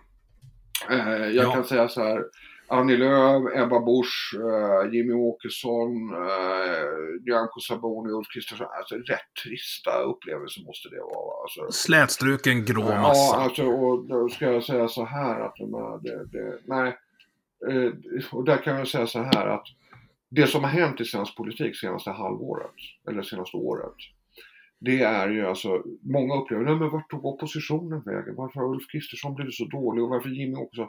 Nej men de har inte förändrats. Det som är nytt nej. på spelplanen, det är Magdalena Andersson och Nooshi Dadgostar. Det är det enda som har förändrats. Det vill säga motståndet har blivit alltså, eh, fått en, liksom, en förbättring som inte går att mäta ens en gång så pass stor är va? Förut alltså, Stefan Löfven och, och, och, och trött Jonas Sjöstedt eh, som bara var trött och gnällig och bitter liksom. Alltså, det, det menar, vad oppositionen gjorde, ja då kunde man eh, pressa dem framför sig. Men sen det här skiftet, jag menar Magdalena Andersson och Nooshi Dadgostar, de drar oppositionen efter sig. Oppositionen har inte mm. fattat vad som har hänt. För de håller samma kvalitet. De lunkar till jobbet eh, på Helgeandsholmen liksom varje måndag åker, eller tisdag beroende på vad man har för uppdrag. Och åker hem torsdag kväll eller fredagar. Liksom. Det, det är liksom, jaha, och så trycker vi på lite knappar och det ena med det alltså det, Nej, men, men alltså oppositionen, alltså de har aldrig varit bättre än så här. De har inte heller varit sämre än så här. De har hållit den här kvaliteten sedan 20, valet 2018. Och det man inte, det man inte ser då, eller det jag inte förstår att man ser, är att dess, denna vindflöjelpolitik som man har gjort, där man, liksom, man läser opinionsundersökningar innan man bestämmer sig för vad man tycker. Mm. Det är, och nu är det min analys, men det är det största enskilda anledningen till att du har gett bort 20% av väljarna till Sverigedemokraterna. Ja, du bara puttar dit dem. Ja. Och de har, bara, de har bara stått där, för, för Sverigedemokraterna har inte erbjudit något. De har bara inte varit de andra. Det är det enda de har behövt göra. Nej, det är det enda de är bra på. Vi är inte de andra. Men nu håller de på att bli som de andra, vilket också syns. Ja. Alltså, så att, jag menar, vi har vår största framgång. Vi har fått det igenom, liksom, vi är med i ett budgetsamarbete. Jaha, och vad lyckades mm. vi med då åstadkomma? Va? Eh, och, men om Alliansen hade förstått det här och tagit med dem mm när, i varje fall andra riksdagsvalet, när man såg att jävlar, de växer. Mm. Då hade de blivit ett ny demokrati. De hade inte klarat av att ta ansvar. De hade imploderat och försvunnit. Ja, ja, ja, ja, Nu! Och nu kommer min analys. Sitter du ner Johan? Ja, ja. Nej, men så här, jag tror att Jimmy kommer avgå efter valet. Nej, det tror jag. Jag tror att de kommer plocka hem Jessica Stegerud. Och jag tror att då blir de livsfarliga. Jag kan säga så här att jag, jag delar inte den analysen. Jessi, eh, Jessica Stegrud är, vore det bästa som kunde hända Sverigedemokraterna. Jag känner Jessica lite grann. Eh, hon är en klassisk Boman-moderat. Eh, mm. Och hon är stabil i sin eh, bomanism, om man nu ska säga så här. Va? jag säger att jag är karlebist och hon är bomanist, va? precis som Henrik Sundström i Västra Götaland. Väldigt, väldigt trygga i den positionen. Men Eh, två saker. Hon mår bättre av att vara en stor fisk i en liten svensk damm i, i, i Bryssel än att komma hem till den svenska dammen. Eh, det tror jag. Och jag tror att hon gör den bedömningen. Och för det är nämligen så här att Jimmy Åkesson kommer inte släppa sin riksdagsplats förrän han fyller 50. Han är 41 eller 42. Är det någon pensionsregel? Jajamän! Eftersom Sverige... Oh, nej, ja, men, ja, ja, men vänta nu. Oh, oh. Eftersom Sverigedemokraterna inte är en del av utnämningsmakten så får de inga reträttposter såsom landshövdingar, ambassadörer, generaldirektörer, you name it. De står utanför, mm. de är exkluderade. Eh, så att det, det bästa, alltså Ska Sverigedemokraterna nå den här livsfarliga status, ja då ska det bli en borgerlig regering som är ledd av den här eh, eh, ja, Ulf Kristersson då, eh, som jag tycker eh, personligen är, är liksom, han har inte det som krävs för att bli en statsminister. Eh, det här med oppositionen, bara säga rakt ut, det, det är liksom, men i alla fall, och han, han i sådana fall erbjuder Jimmie Åkesson, hör du, du kan få bli landshövding i Blekinge till exempel, eller Skåne och någonting. Så då kommer Jimmy Åkesson, han kommer säga bra, då går jag på dagen. Va? För då är han inne mm. i det systemet. Va? Och då, det, det handlar ju också om pension. Va? För Jimmy Åkesson han går på övergångsreglerna. Det vill säga att när han fyller 50, det år han fyller 50, om han har minst två mandatperioder, så är han då, har han rätten då till två tredjedelar av eh, riksdagslönen fram till dess att han fyller 65 eller 67. Va? Eh, om han hoppar av tidigare så är det en uttrappning som är gam, det är alltså många miljoner det handlar om. Eh, och mm. så länge han inte står, omfattas och då kommer alltså uh, samma sak, Richard Jomshof han har fyllt 50, han kan säga upp sig. Alltså han, han kan lägga av, men nu har han blivit övertalad. Mattias Karlsson likadant, jag tror att han har fyllt 50. Va? För de har då rätt antal mandatperioder med sig. Va? Men det här är ju då det här har skapat en låsning i Sverigedemokraterna. Det går inte, det finns ingen alltså om sig. Alla sitter, alla som kom in i riksdagen 2010, alla som sitter på sina mandat, sina kommunalrådsposter och allt vad de kan ha. De sitter still. De klamrar sig, kvar. sig kvar till sin 50-årsdag. Och Jimmy Åkesson är ja. 42 år. Mm, så att det, det, ingenting kommer hända eh, före 2030 om inte man släpper in eh, Sverigedemokraterna i, eh, alltså när, när det gäller utnämningsmakten. Det, det är sån där, så, och det här missar folk. Alla säger ja men då lägger han av. Nej, han är partiet. Det är precis som Carl Bildt. Ingenting växer under en stor ek. Nej, nej, jag, jag böjer mig.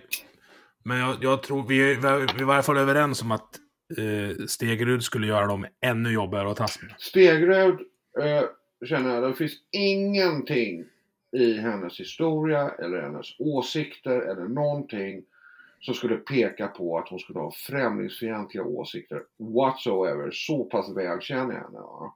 Hon skulle vara Sverigedemokraternas räddning eh, för att kunna bli, liksom ge den här matchen. Hon är en klassisk konservativ bommad moderat med starka frihetliga eh, eh ideal. Eh, väldigt, väldigt attraktiv politisk, alltså politiskt attraktiv eh, ställningstagande. Jag menar, jag bor ju i, i Bomanland, alltså jag ser ju Sundskär från min udde. Eh, Gösta Bomans eh, ö då, eller där han till och med, jag kommer ihåg när Gösta Boman kom till Eh, eh, gräsmattan nedanför Furusunds värdshus på somrarna ställdes på en upp och nervänd pilsnerback och höll sitt sommartal där han stod i snickarbrallor, mora, kniv och flanellskjorta och, och sin båtmössa på huvudet. Va? Han kom med sin aktersnurra då. Eh, det är barndomsminne mm. för mig. Va? Och, och, moderater och socialdemokrater och centerpartister har den här bygden. Vi har haft väldigt, väldigt lätt att komma överens om. Och för det finns ett frihetligt ideal i Jessica som jag finner väldigt, väldigt, inte bara grundmurat men även attraktivt. Ja, det ska bli spännande. Alltså nu hamnar vi och pratar om...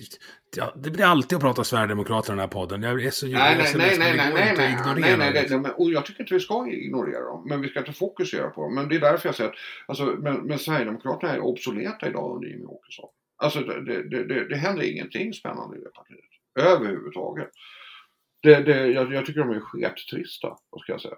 Alltså, jätte, alltså förutsägbara. Det finns ingenting. Ja. Det, det, är, uh, det är roligare att titta på. Ja, det är faktiskt roligare att titta på Märta Stenevi och Per Boden. Det tycker jag är mer stimulerande. Jo, men det är för att det är slapstick. Ja, ja, oh, ja. Men det, det, det, nej, men det säger... Alltså, Jimmy Åkesson är ungefär lika rolig som, som en pensionerad Jonas Sjöstedt.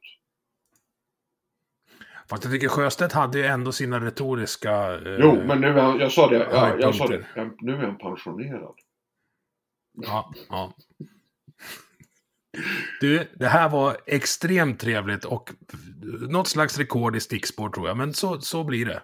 Ja, men jag tyckte det var eh, jätteroligt. Jag tyckte det var kanonroligt. Jag glömde att fråga en sak om din tid i marinen, så då slänger vi in den på slutet ja. här.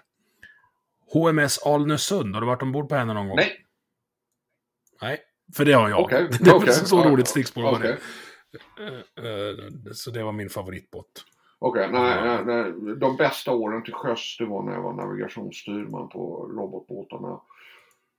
Ström, HMS Strömstad och HMS eh, eh, Strömstad och Luleå. Det var verkligen happy ship. Alltså det var, vad, gjorde, vad gör man som navigationsstyrman på dagen? Ja, du kör båt 38 till 42 knop beroende på liksom Eh, temperatur utomhus och hur mycket bunker man hade. Alltså det var ju så ohyggligt roligt alltså. Det var. Var det de som kallades för M-båtar? Nej, nej, nej. Det här är spikat två år. Nej. Sverige är spikat två år. Alltså det är mycket gasturbiner. Det finns en viss känsla när man sätter sig i, stolen då uppe, uppe på bryggan eh, och kickar igång tre gasturbiner och, och drar iväg i 38 knop. Alltså det, är en, det är en känsla som är, och så med Kameva propellrar med ställbara blad. Du kan alltså stoppa, du, du kan alltså stoppa på 70 meter. Det är liksom från full macka till 70 meter. Du, vi ska ta ett speciellt fredagsmys med bara möpar någon gång. Jag har min gamla plutonchef från K1 och du och jag och så ja. någon till. Ska vi prata teknik? Ja, ja, det är det. Men nu Johan, nu ska jag, nu ska jag släppa dig. Ja, det var jättetrevligt. Eh, ja. och tack så mycket för att eh, jag fick låna din hjärna en stund. Eh, välkommen, du får gärna låna den igen. Det här var trevligt. Det här var kul. Du har lyssnat på Vi måste prata som produceras av mig, Emil Nilsson. Tycker du om det du hörde? Dela avsnittet med dina vänner och på sociala medier. Vill du stötta podden kan du göra det via Patreon där du hittar den på patreon.com snedstreck vi måste prata i ett ord. Eller så swishar du en slant till nummer 123 671 46 79. Vi hörs!